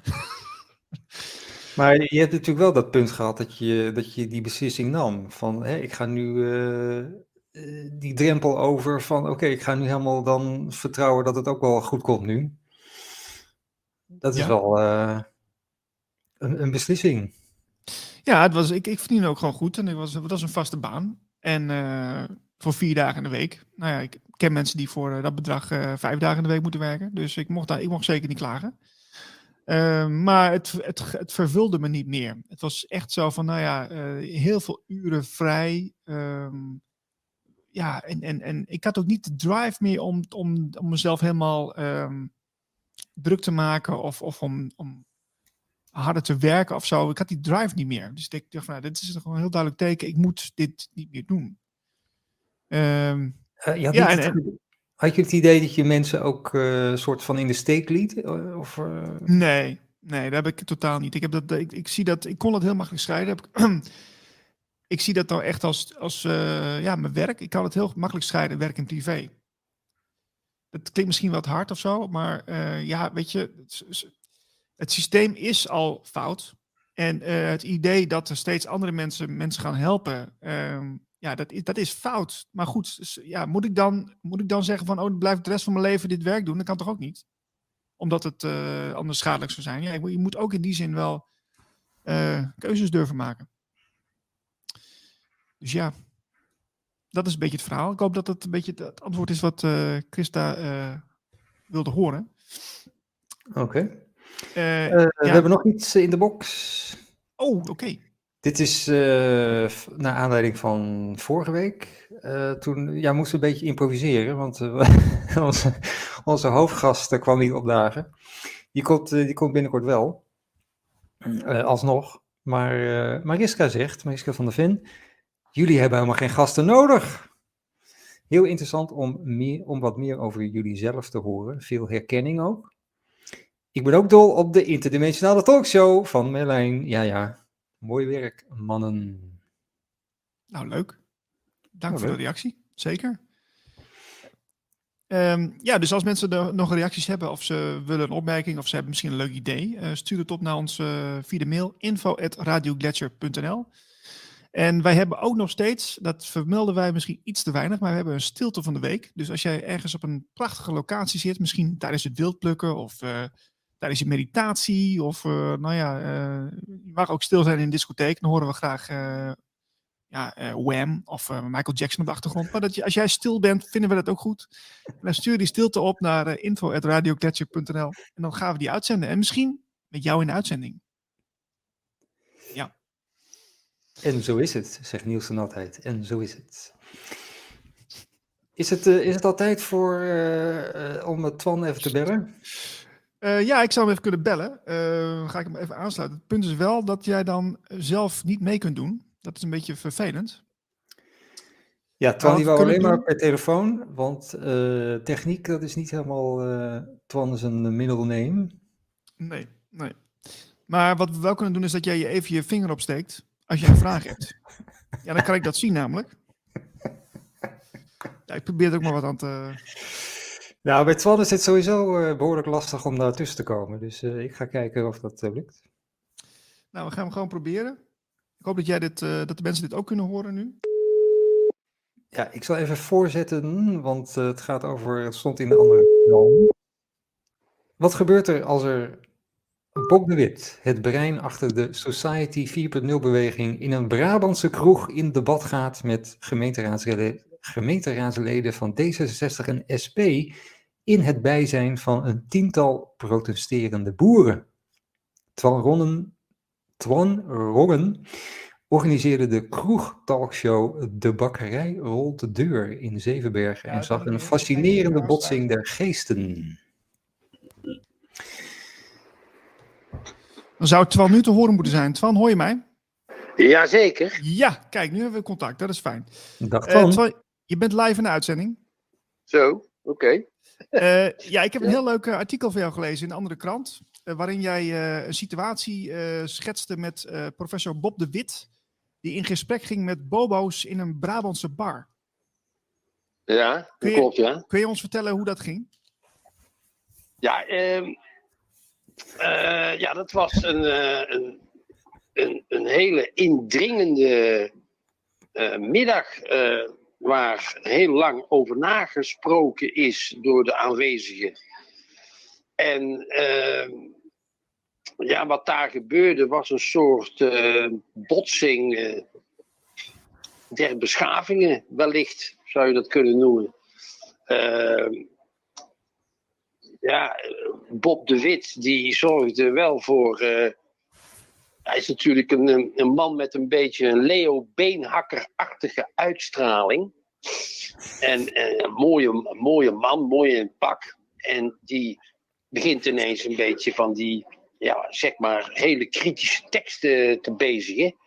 Ja, waarvan de, de, de, helft van de kroeg ja, toch wel een beetje ongemakkelijk van werd. Ze gingen een beetje ongemakkelijk met hun billetjes over de barkrukken wrijven.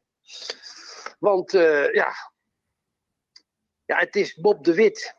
Kijk, maar zal ik eerst even iets vertellen, Niels, over uh, die talkshow op zich? Want dan kan je er beter een voorstelling van maken, denk ik. Ja, dat is goed. Uh, we horen graag. Kijk, in mijn beleving is uh, een, een televisiestudio...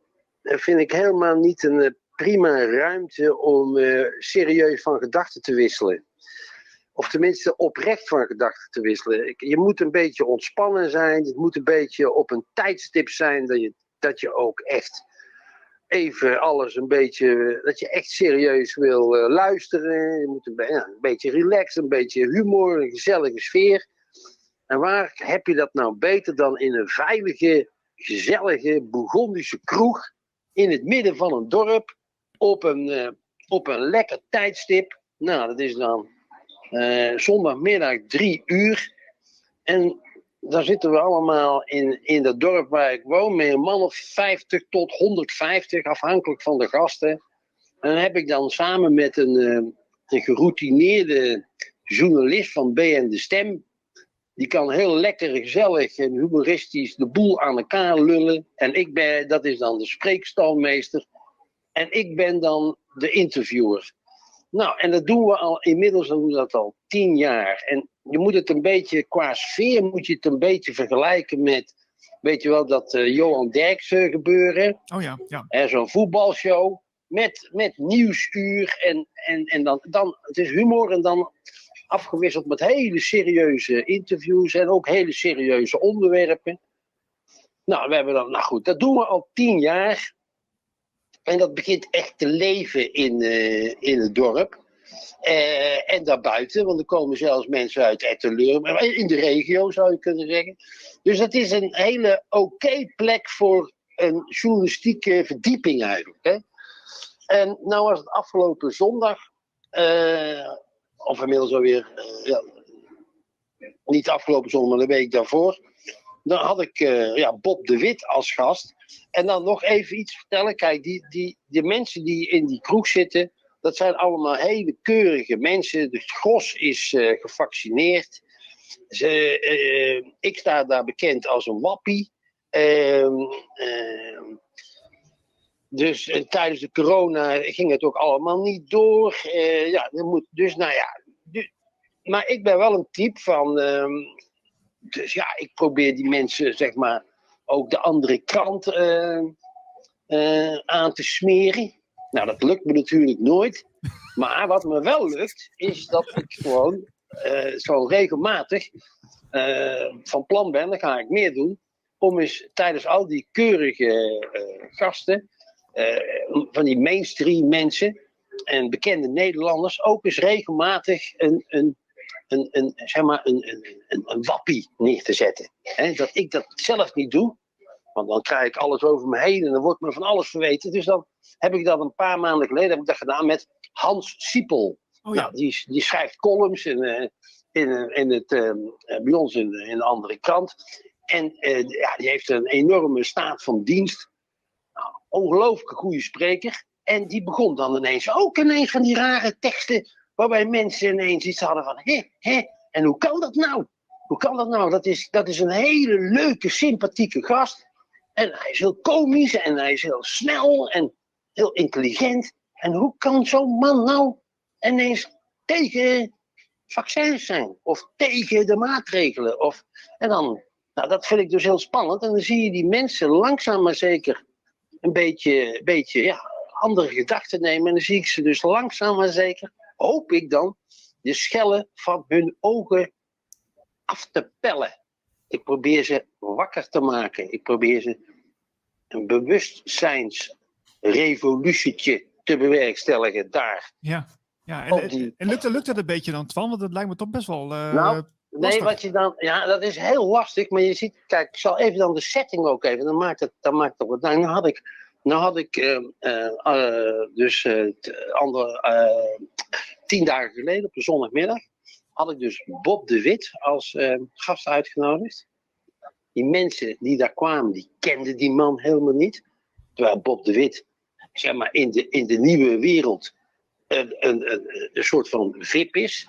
En ik had een, een, een, een, een, een protestboer hier bij ons in de regio, maar echt eentje van Farmers Defense uh, Front, of weet ik weer, de Farmers... Uh, Defense Force, nou, ja. ja die, en ik had een hele populaire, bij ons in de, in, in het gemeente, heel populaire voormalige burgemeester, Jacques Kleijs heet hij. Dus oké, okay, dus drie man. En er kwamen, zaten daar een stuk of twintig boeren. En gewoon uh, een paar raadsleden van, ja, goed, van enkele lokale partijen. D66 de, zie ik staan, en, van en, en, van, en van D66. En er waren ook gewoon veel partijleden van de partij, met name van de SP. Ja, goed, oké. Okay, dus um, ja, nou, dus eh, ik begon die, uh, moet je het zo voorstellen, die mensen zitten daar allemaal, zitten gezellig en ze zijn best wel een beetje, ja, een beetje nieuwsgierig, want het thema is, van ik heb altijd een thema, en deze zondagmiddag ging het over de nieuwe wereld. De nieuwe wereld. Toen liet ik, en dan begon ik met een film, of een stukje reportage, uh, beeldmateriaal, van Black Box TV waarin ze het hebben over de zogenaamde perma-staat van crisissen. De permanente staat. Wij leven inmiddels in een, in een tijd van permanente staat van crisis. Dus de COVID-dreiging, de oorlogsdreiging, de inflatiedreiging, de stikstofdreiging, de, de, de hele democratie staat, onder, uh, staat zwaar onder druk. Nou ja, goed, al, al die crisissen bij elkaar opgeteld. En daar begon ik mee. Dus je zag die, die, hele, die hele. En hoe gingen we. Hoe, nou, dat, dat was dus heel spannend. Ja. Want Bob de Wit, die ging vervolgens. Ik zeg, hoe komt dit nou? En Bob de Wit, die begint dan een, een, dus een, begint echt gewoon een historisch verhaal. Dat, de, dat, de, dat, we in, dat de geschiedenis zich tekent in tijdperken. En als je bij een overgang van het ene tijdperk naar het andere tijdperk, dus bijvoorbeeld van het landbouwtijdperk naar de industriële tijdperk, dat dat, dat, dat gepaard gaat met uh, dat de elite dat niet wil. Die, die willen ofwel een andere manier, snap je? Die willen, die willen hun macht behouden. Ja. En als ze overgaan naar een ander tijdperk, dan worden ze nerveus. Want ja, uh, zij willen hun macht behouden, hun, hun manier van leven, hun rijkdom, hun, hun status. En dan komt er een hele nieuwe tijd aan. En dan, dan zijn ze bang om dat te verliezen. Dus ze gaan van alles doen om het volk te onderdrukken of wijs te maken dat, dat, dat ze het goed doen. Nou, nou goed, en inmiddels zijn we gekomen dus in een, we zitten in een, in, in een ja, in ja, wat voor tijdperk zitten we nu eigenlijk? In een soort high-tech, globalistisch uh, tijdperk. En uh, hoe gaan we daar nou mee om? Nou, Bob de Wit, die legt dan uit dat we dus nu in zo'n tijdperk zitten van, van verandering. Het ene, we gaan van het ene tijdperk naar het andere.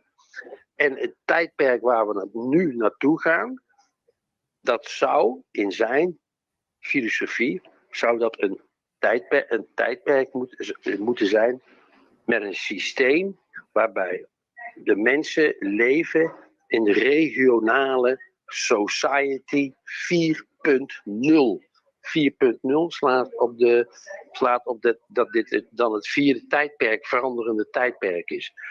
En, die, en, daar, nou, en die, daar, er bestaan inmiddels in Nederland 75 van dat soort uh, groeperingen. Gewoon allemaal clubjes van mensen, bestaande uit honderden mensen, tientallen mensen, soms duizenden mensen, die elkaar allemaal helpen op het gebied van onderwijs, uh, sport, uh, gezondheid, voeding. Nou ja, allemaal dingen dat ze elkaar de bal toespelen. Dat ze bijvoorbeeld om de boeren te helpen met honderd families tegelijk inkopen doen bij bij een bepaalde boer. Dus ze zeggen, ga naar boer Jansen toe. En ze zeggen van, nou oké, uh, wij, wij, ik vertegenwoordig 100 gezinnen. Mag ik uh, eh, 100 keer een kilo uh, aspergebonen, nou, wat voor groenten dan ook, of aardappelen bij u kopen? Dan hoeft u geen geld te betalen aan de supermarkt. En dan kunnen wij wat binnen. Heb u meteen een goede afzet. Nou, van dat soort, dat soort dingen allemaal om los te komen van die. Ja, van dat, van dat, van dat ja, verstikkende web een bureaucratische, uh, verstikkende web met, met, waar we nu allemaal in zitten. Met, dus ja, dat je allemaal naar, naar, continu afhankelijk bent van, van, van, van, van, van, van grote ja, systemen en zo, de, de, de, de ja, nou, globalistische beweging. Ja, ja en daar, daar vertelt hij dan heel leuk over. En vervolgens zou je denken dat die burgemeester, die voormalige burgemeester, dat die daar, daar een beetje ja, tegengas aan zou geven. Maar wat gebeurde er? De burgemeester, gewoon een keurige CDA, die zei, nou, ik vind dit een geweldig initiatief. Oh. Want ik, ik juich alles toe uh, dat mensen hun, de verantwoordelijkheid zelf oppakken voor hun eigen levensgeluk. En dat ze niet uh, bij voorbaat, als er ergens een probleem zich voordoet in hun leven, dat ze meteen uh, naar de gemeente lopen en zeggen van ja, en jullie hebben het verkeerd gedaan, maak alsjeblieft mijn handje even een handje omhoog houden om het geld te vangen. Dus dat, dat zag je dan in die kroeg gebeuren. Maar iedereen die, die, die praat met elkaar. En, ze, en, en, en wat je dan ziet is, ja, dan, dan komt er nog iets anders erbij. Dus dat, dat is dan een beetje, zo gaat dat gesprek dan. Dan zie je mensen wel ook vragen stellen. En dan, ja, maar hoe werkt dat dan? En, en nou, dan zegt die Bob, nou, daar heb ik een boek over geschreven. Bla bla, ja. Dat kunnen we zeker bij jou kopen. Hè? Dus je bent hier je boekje aan het verkopen. Weet je wel, krijg je dat soort dingen. Maar goed, Ja, ja, ja. eh, dat zal dan ook wel. Maar goed. Maar, maar, maar ze lullen eromheen. En dan komt, dan komt er vervolgens komt de tweede spreker. Die hebben het over de boeren. En die zegt. Echt, en dat komt echt vanuit zijn darmen, zou ik bijna willen zeggen. Dat, dat, die zegt dat de, de het geweld wat, wat, wat, wat wij allemaal Nederlanders van de boeren tijdens die protestacties, eh, dat wij dat allemaal op het journaal te zien krijgen. Hij zegt, hij zegt dat is voor 80% is dat eh, infiltratie van zogenaamde Romeo's. Van mensen van, de, van, van politieagenten die vermomd als boer, als nepboer dus, eh, infiltreren bij die, bij die demonstraties. En dan eh, ineens voor eh, de, de boel gaan ophitsen. En, eh, om, stennis te maken en, als, en als, om, om, om, om, en ook geweld te plegen. Waardoor er dan op dat tijdstip een bepaald televisiestation wordt opgeroepen, of een, cameraploeg. En dan krijgen we agressieve beelden van agressieve boeren. En dat gaat dan eh eh, s'avonds de huiskamer in. Maar hij, dan vertelde die boer, die was dus ook aanwezig bij het, de demonstratie of het bezoek van enkele boeren bij de minister eh, die, die, stik, die speciaal over stikstof gaat. Ik ben de naam even kwijt. Ja, die mevrouw toen, hè? Ja, Ja, van de VVD. Ja. Nou, die- hij was daarbij. Hij zei, nou, dat was helemaal niet dreigend. Helemaal, helemaal niet. Wij zijn daar gewoon naartoe gegaan. Zij kwam naar buiten, heel ontspannen zelfs, met de kindjes erbij. Ik heb nog met zo'n kindje eh, zitten kletsen. Hij zegt, en ineens komen er gewoon figuren bij staan die wij, wij kennen iedereen van de Farmers eh, Defence Force. En die kennen wij helemaal niet. Of, of, en, eh, en, en die gaan daar ineens tennis lopen te maken. Die beginnen ineens te schelden. En, en, dan, en, dan, en dat komt op tv. Hij zegt, en dat, dat is echt verschrikkelijk om te zien. Dus als wij nu een demonstratie zien, dan eh, pikken wij die mensen eruit. Dat doen we ook dan helemaal niet agressief tegen, maar we gaan er niet op in. Dus als zij zeggen, beginnen ze dan te zijn, zijn te herkennen aan hun oortjes. Ze hebben vaak een oortje in. En ze hebben gewoon de verkeerde boerenkleding aan. Snap je wat ik bedoel? Ze zijn makkelijk te herkennen gewoon. Ja, ja ik Nou, heb trouwens, want ik heb het ook wel een paar keer gezien. En ook wel bij die boerendemonstratie. Dat, dat, dan zie je gewoon opeens uit het niets gewoon een aantal mensen inderdaad verkleed als boer. Of nou, dat, dat nemen we nou even aan na, na, na jouw verhaal. Eh, gewoon eh, t- t- t- eh, sch- schoppen tegen politie of, of ageren tegen anderen. En dat, is, dat vond ik echt zo verdacht. Ik denk hoe kan dat nou dan? Ja. En dan zie je bij die, eh, want dan zie je iets heel merkwaardigs ontstaan bij die eh, mensen die dan zeg maar eh, in die kroeg zitten. De, van, hè? Mhm. Die, die, die, die zie je kijken en die kijken elkaar ook een beetje aan van wat, wat moeten we nou hiermee? Hè? En dan wordt er meteen getwijfeld aan, maar omdat die boer dat zo eh, ja, echt, echt, echt diep gemeend vertelde, hè? Kon echt, zoals ik net al zei, uit zijn darmen. Ik bedoel, dat, dat was niet gelogen, snap je? Mhm. Kijk, dat is de kracht van een. Dat is de kracht van, eh, van, van, van, van zo'n show. Hè? Kijk, als er een boer, als die boer nou, die, die, die mensen, als die een beetje senang zijn, en die voelen zich op hun gemak, dan zijn ze zeer waarachtig. Daar gaat het om, hè? Ja. Het moet een waar. En, en heel veel van die mensen van die talkshows op tv en zo, ja, die zie je, vind ik gewoon niet echt. Ze zijn daar ook allemaal geïnstrueerd van tevoren. Je moet dit niet zeggen of dat wel zeggen. Ze hebben allemaal, of die politici hebben allemaal een spindokter, één of twee. Om, hè, ben nou eens gewoon eerlijk en oprecht. Dus daarom dat ik. Het is echt mijn, daarom, het is echt mijn kindje. Ik doe het al tien jaar. En ik vind het ook echt hartstikke leuk. Want mensen gaan dan, komen dan echt tot, tot, leven. En wat je dan ook ziet, en dat is dus dat heb ik ook beschreven in dat artikel van de, de andere kant. Dan krijg je te maken met een psychologisch eh, gebeuren. En dat, eh, dat is echt, daar moeten we vanaf, maar dat is zo ingewikkeld. En dat is, uh, wat is dat nou? Oh ja. Cognitieve dissonantie, denk ik, dat je bedoelt. Ja, ja moeilijk woord. Cognitieve dissonantie. Kijk, ik heb het ook wel eens gehad, hè? cognitieve dissonantie. De laatste keer dat ik het had, was ik een jaar of twaalf, denk ik, bewust. Toen had ik een mars gestolen in de supermarkt. Ik was een jaar of twaalf, denk ik, of elf. En uh, ik werd betrapt, snap je? En dan uh, uh, tikte zo'n zo iemand van, de, van die winkel, die tikte me boos op mijn schouder. Ja. En zei, jij moet, jij moet die mars onmiddellijk teruggeven. En ik zei gewoon, nee, ik heb helemaal, ik heb helemaal niks gestolen. Jawel, jawel. Ik heb, het, ik heb het gezien, nou dat is helemaal niet waar. Ja, maar ik zie het je net doen. Nee, het is helemaal niet waar. Haal het uit je zakken. Ja, en dan, en dan, ja, dan haal ik het uit mijn zakken. En dan zeg ik nog, ja, ik heb het niet gedaan. Snap je wat ik bedoel? Oh, ja, ja, ja. ja dus, nou, dus mensen kunnen gewoon niet tegen de En dat ben ik vaak, ook in de journalistiek kom je dat heel vaak voor. Dat, zeker in de vorm van een debat. Daarom vind ik een debat eigenlijk ook een hele verkeerde term. Want ik ben eigenlijk tegen debat. Want een debat is een soort, ik weet niet waar het woord precies vandaan komt, maar het heeft iets te maken met tweestrijd. Dus het is een wedstrijd, het is een soort oorlog met woorden. Nou, en je bent natuurlijk, als je, als je aan een debat deelneemt, dan ben je natuurlijk van plan om te winnen. Dus je gaat nooit zeggen: hé, hey, ik eh, moet, eh, je hebt gelijk, ik moet mijn hele, mijn hele, uh, mijn hele wereldbeeld, waar ik ja, wat ik inmiddels mede door deze opinie heb opgetuigd, die moet ik nu helemaal weer herzien. En dat is voor heel veel mensen zeer ongemakkelijk. Vooral als ze wat ouder zijn en ze hebben het leven zoals het nu gaat aardig op de rit. En, dan, en, en dat zijn de meeste mensen die daar in die kroeg zitten.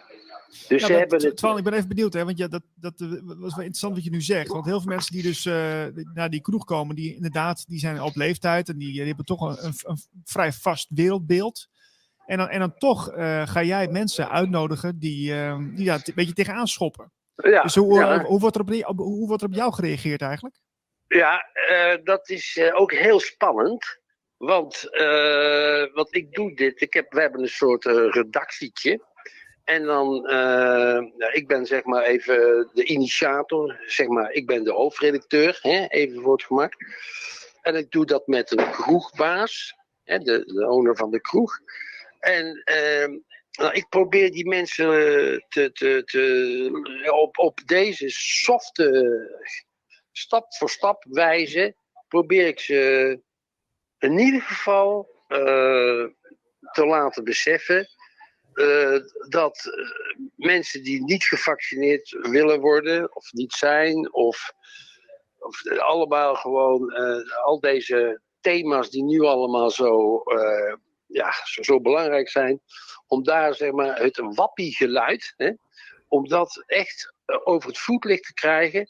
En dat mensen dan echt zeggen van, oh ja, sorry, ik, ik, ik, ik vond u wel een wappie, maar dat, uh, dat, dat herzie ik nou. Ik, ik, vind, ik ben het niet met u eens misschien, maar ik, ik, vind het, ik heb diep respect voor uw standpunt. En dat begrip, ja, dat is het begin. Als mensen en nu leven in een samenleving waarbij al die talkshows continu, het is gewoon, gewoon ze zitten gewoon elkaar alleen maar af te maken. Hè? Dus echt zo, ik, vind het, ik kijk ernaar en ik denk, ja, dat ga ik dus nooit aan meewerken, snap je? Aan, die, ja. aan die cultuur. Snap je? Aan, aan dat. Uh, ja, maar goed. Uh, nou ja, maar, maar ik heb dan met die mensen. Ik heb dan, had dan. Ik heb even, al... even ingegeven, want Marlijn ja. die heeft een vraag. Dat kun jij niet horen. Ja. Dus ik moet even horen wat Marlijn wil vragen. Marlijn? Ja, oké. Okay. Maar die, die, die, mensen blijven wel komen steeds naar die, naar die show. Terwijl ze toch dan. Uh... Ja. ja. dat is ook wel interessant wat Marlijn nu zegt. Hij zegt, uh, maar die mensen die blijven dus wel steeds komen naar jouw talkshow. De, de mensen die dus uh, ja, vast aan beeldbeeld ja. hebben. Ja. Ja, ja, ja, zeker. Want het is, het is, uh, het, het, is wel enerverend. En, en, en, en, en, en, en bedoel, het is niet. nee, we laten ze ook gewoon aan het woord. Het is gewoon, het is geen. eh, ja, ik, ik, wij hebben wel een debat. eh, dat is wel een soort van. Hè, maar we zijn meer van, van het begrip voor elkaar creëren. Met heel veel humor en zo. En met leuke dingen. En, eh, dus ja, wij hebben nooit. eh, nou, nou het, liep, het, het, kan af en toe wel een beetje uit de hand lopen. Maar we hebben nog nooit een. eh, en ook. eh, met Bob de Wit niet hoor. Er was wel een soort even een momentje dat er zo'n boer heel erg kwaad werd. Ja. Eh, maar goed, en, en, en ook een, eh, een oude voormalige vakbondsleider die vindt dat de boeren niet moeten ouwen, maar gewoon aan het werk moeten. Nou, en dan loopt het even uit de hand. Maar nee, het is juist. eh, nou ja, het loopt. Ik bedoel, het is eh, gezellig. Het is, eh, Maar wat ik mij nog even, dat dan toch nog. eh, maar toen heb ik dus, word ik geëvalueerd. Hè. Dat gaat dan gewoon zo in het café. Dan zitten we met al die medewerkers van die show. Dan zitten we, nou, een man of vier. Nou, en dan, dan zeggen ze, ja, ja, ja, ja. Nee, die Bob de Wit. Ja, is een aardige man, zeg. Maar goede spreker. Maar ja, hij komt niet met een oplossing. Oh, Ik zeg, hij komt niet met een oplossing. Kijk, Dat is nou dat cognitieve dissonantie. Ja. Want dat doet hij dus juist wel. Ik zeg, ja. Hij zegt, hij, hij heeft daar een boek over geschreven. Een werkboek heeft hij over geschreven. Zit er hier bijna anderhalf uur over te praten. Eh, dus eh, en hij web. En hij, eh, da- ja, ja, nee, maar het is geen oplossing. Ik zeg, ja, maar waarom is het dan geen oplossing? Ja, het is gewoon geen oplossing.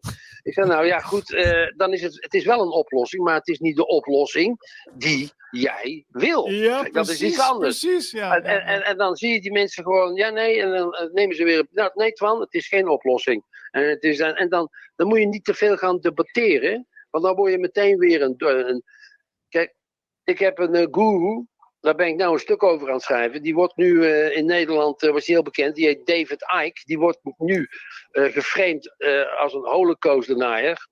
En die man die komt praten bij de vredesdemonstratie binnenkort in Amsterdam op de Dam. Ja. En, en die wordt nu geframed als holocaustdenier. Nou, nou volg ik die man al vanaf 2002.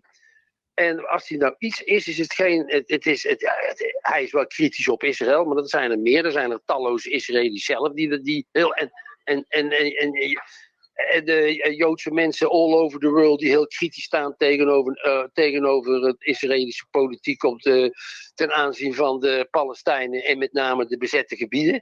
Maar goed, eh, en dat zijn dan natuurlijk geen holocaustdeniers. Maar het- zo wordt die man. En kijk, dan wordt er, al- komt er allemaal dingen bij kijken. Maar voor mij staat die. Maar wat David Icke bijvoorbeeld zegt, is. Heel, dat is heel wezenlijk, maar dat is niet zozeer. Dat komt niet van hem, maar dat komt ook, niet alleen van hem, maar dat komt bij een heleboel eh, eh, vredesactivisten komt dat vandaan. En dat is. eh, don't, zeker, zeker, geweld is echt uit de boze natuurlijk. Eh, de Dalai Lama, gewoon die hebben er allemaal echt hele interessante dingen over gezegd. Je moet nooit vechten. Je moet nooit agressie gebruiken. Eh, je mag wel je, je, je mening geven en je oprechtheid tonen. Maar je gaat niet iemand eh, bevechten.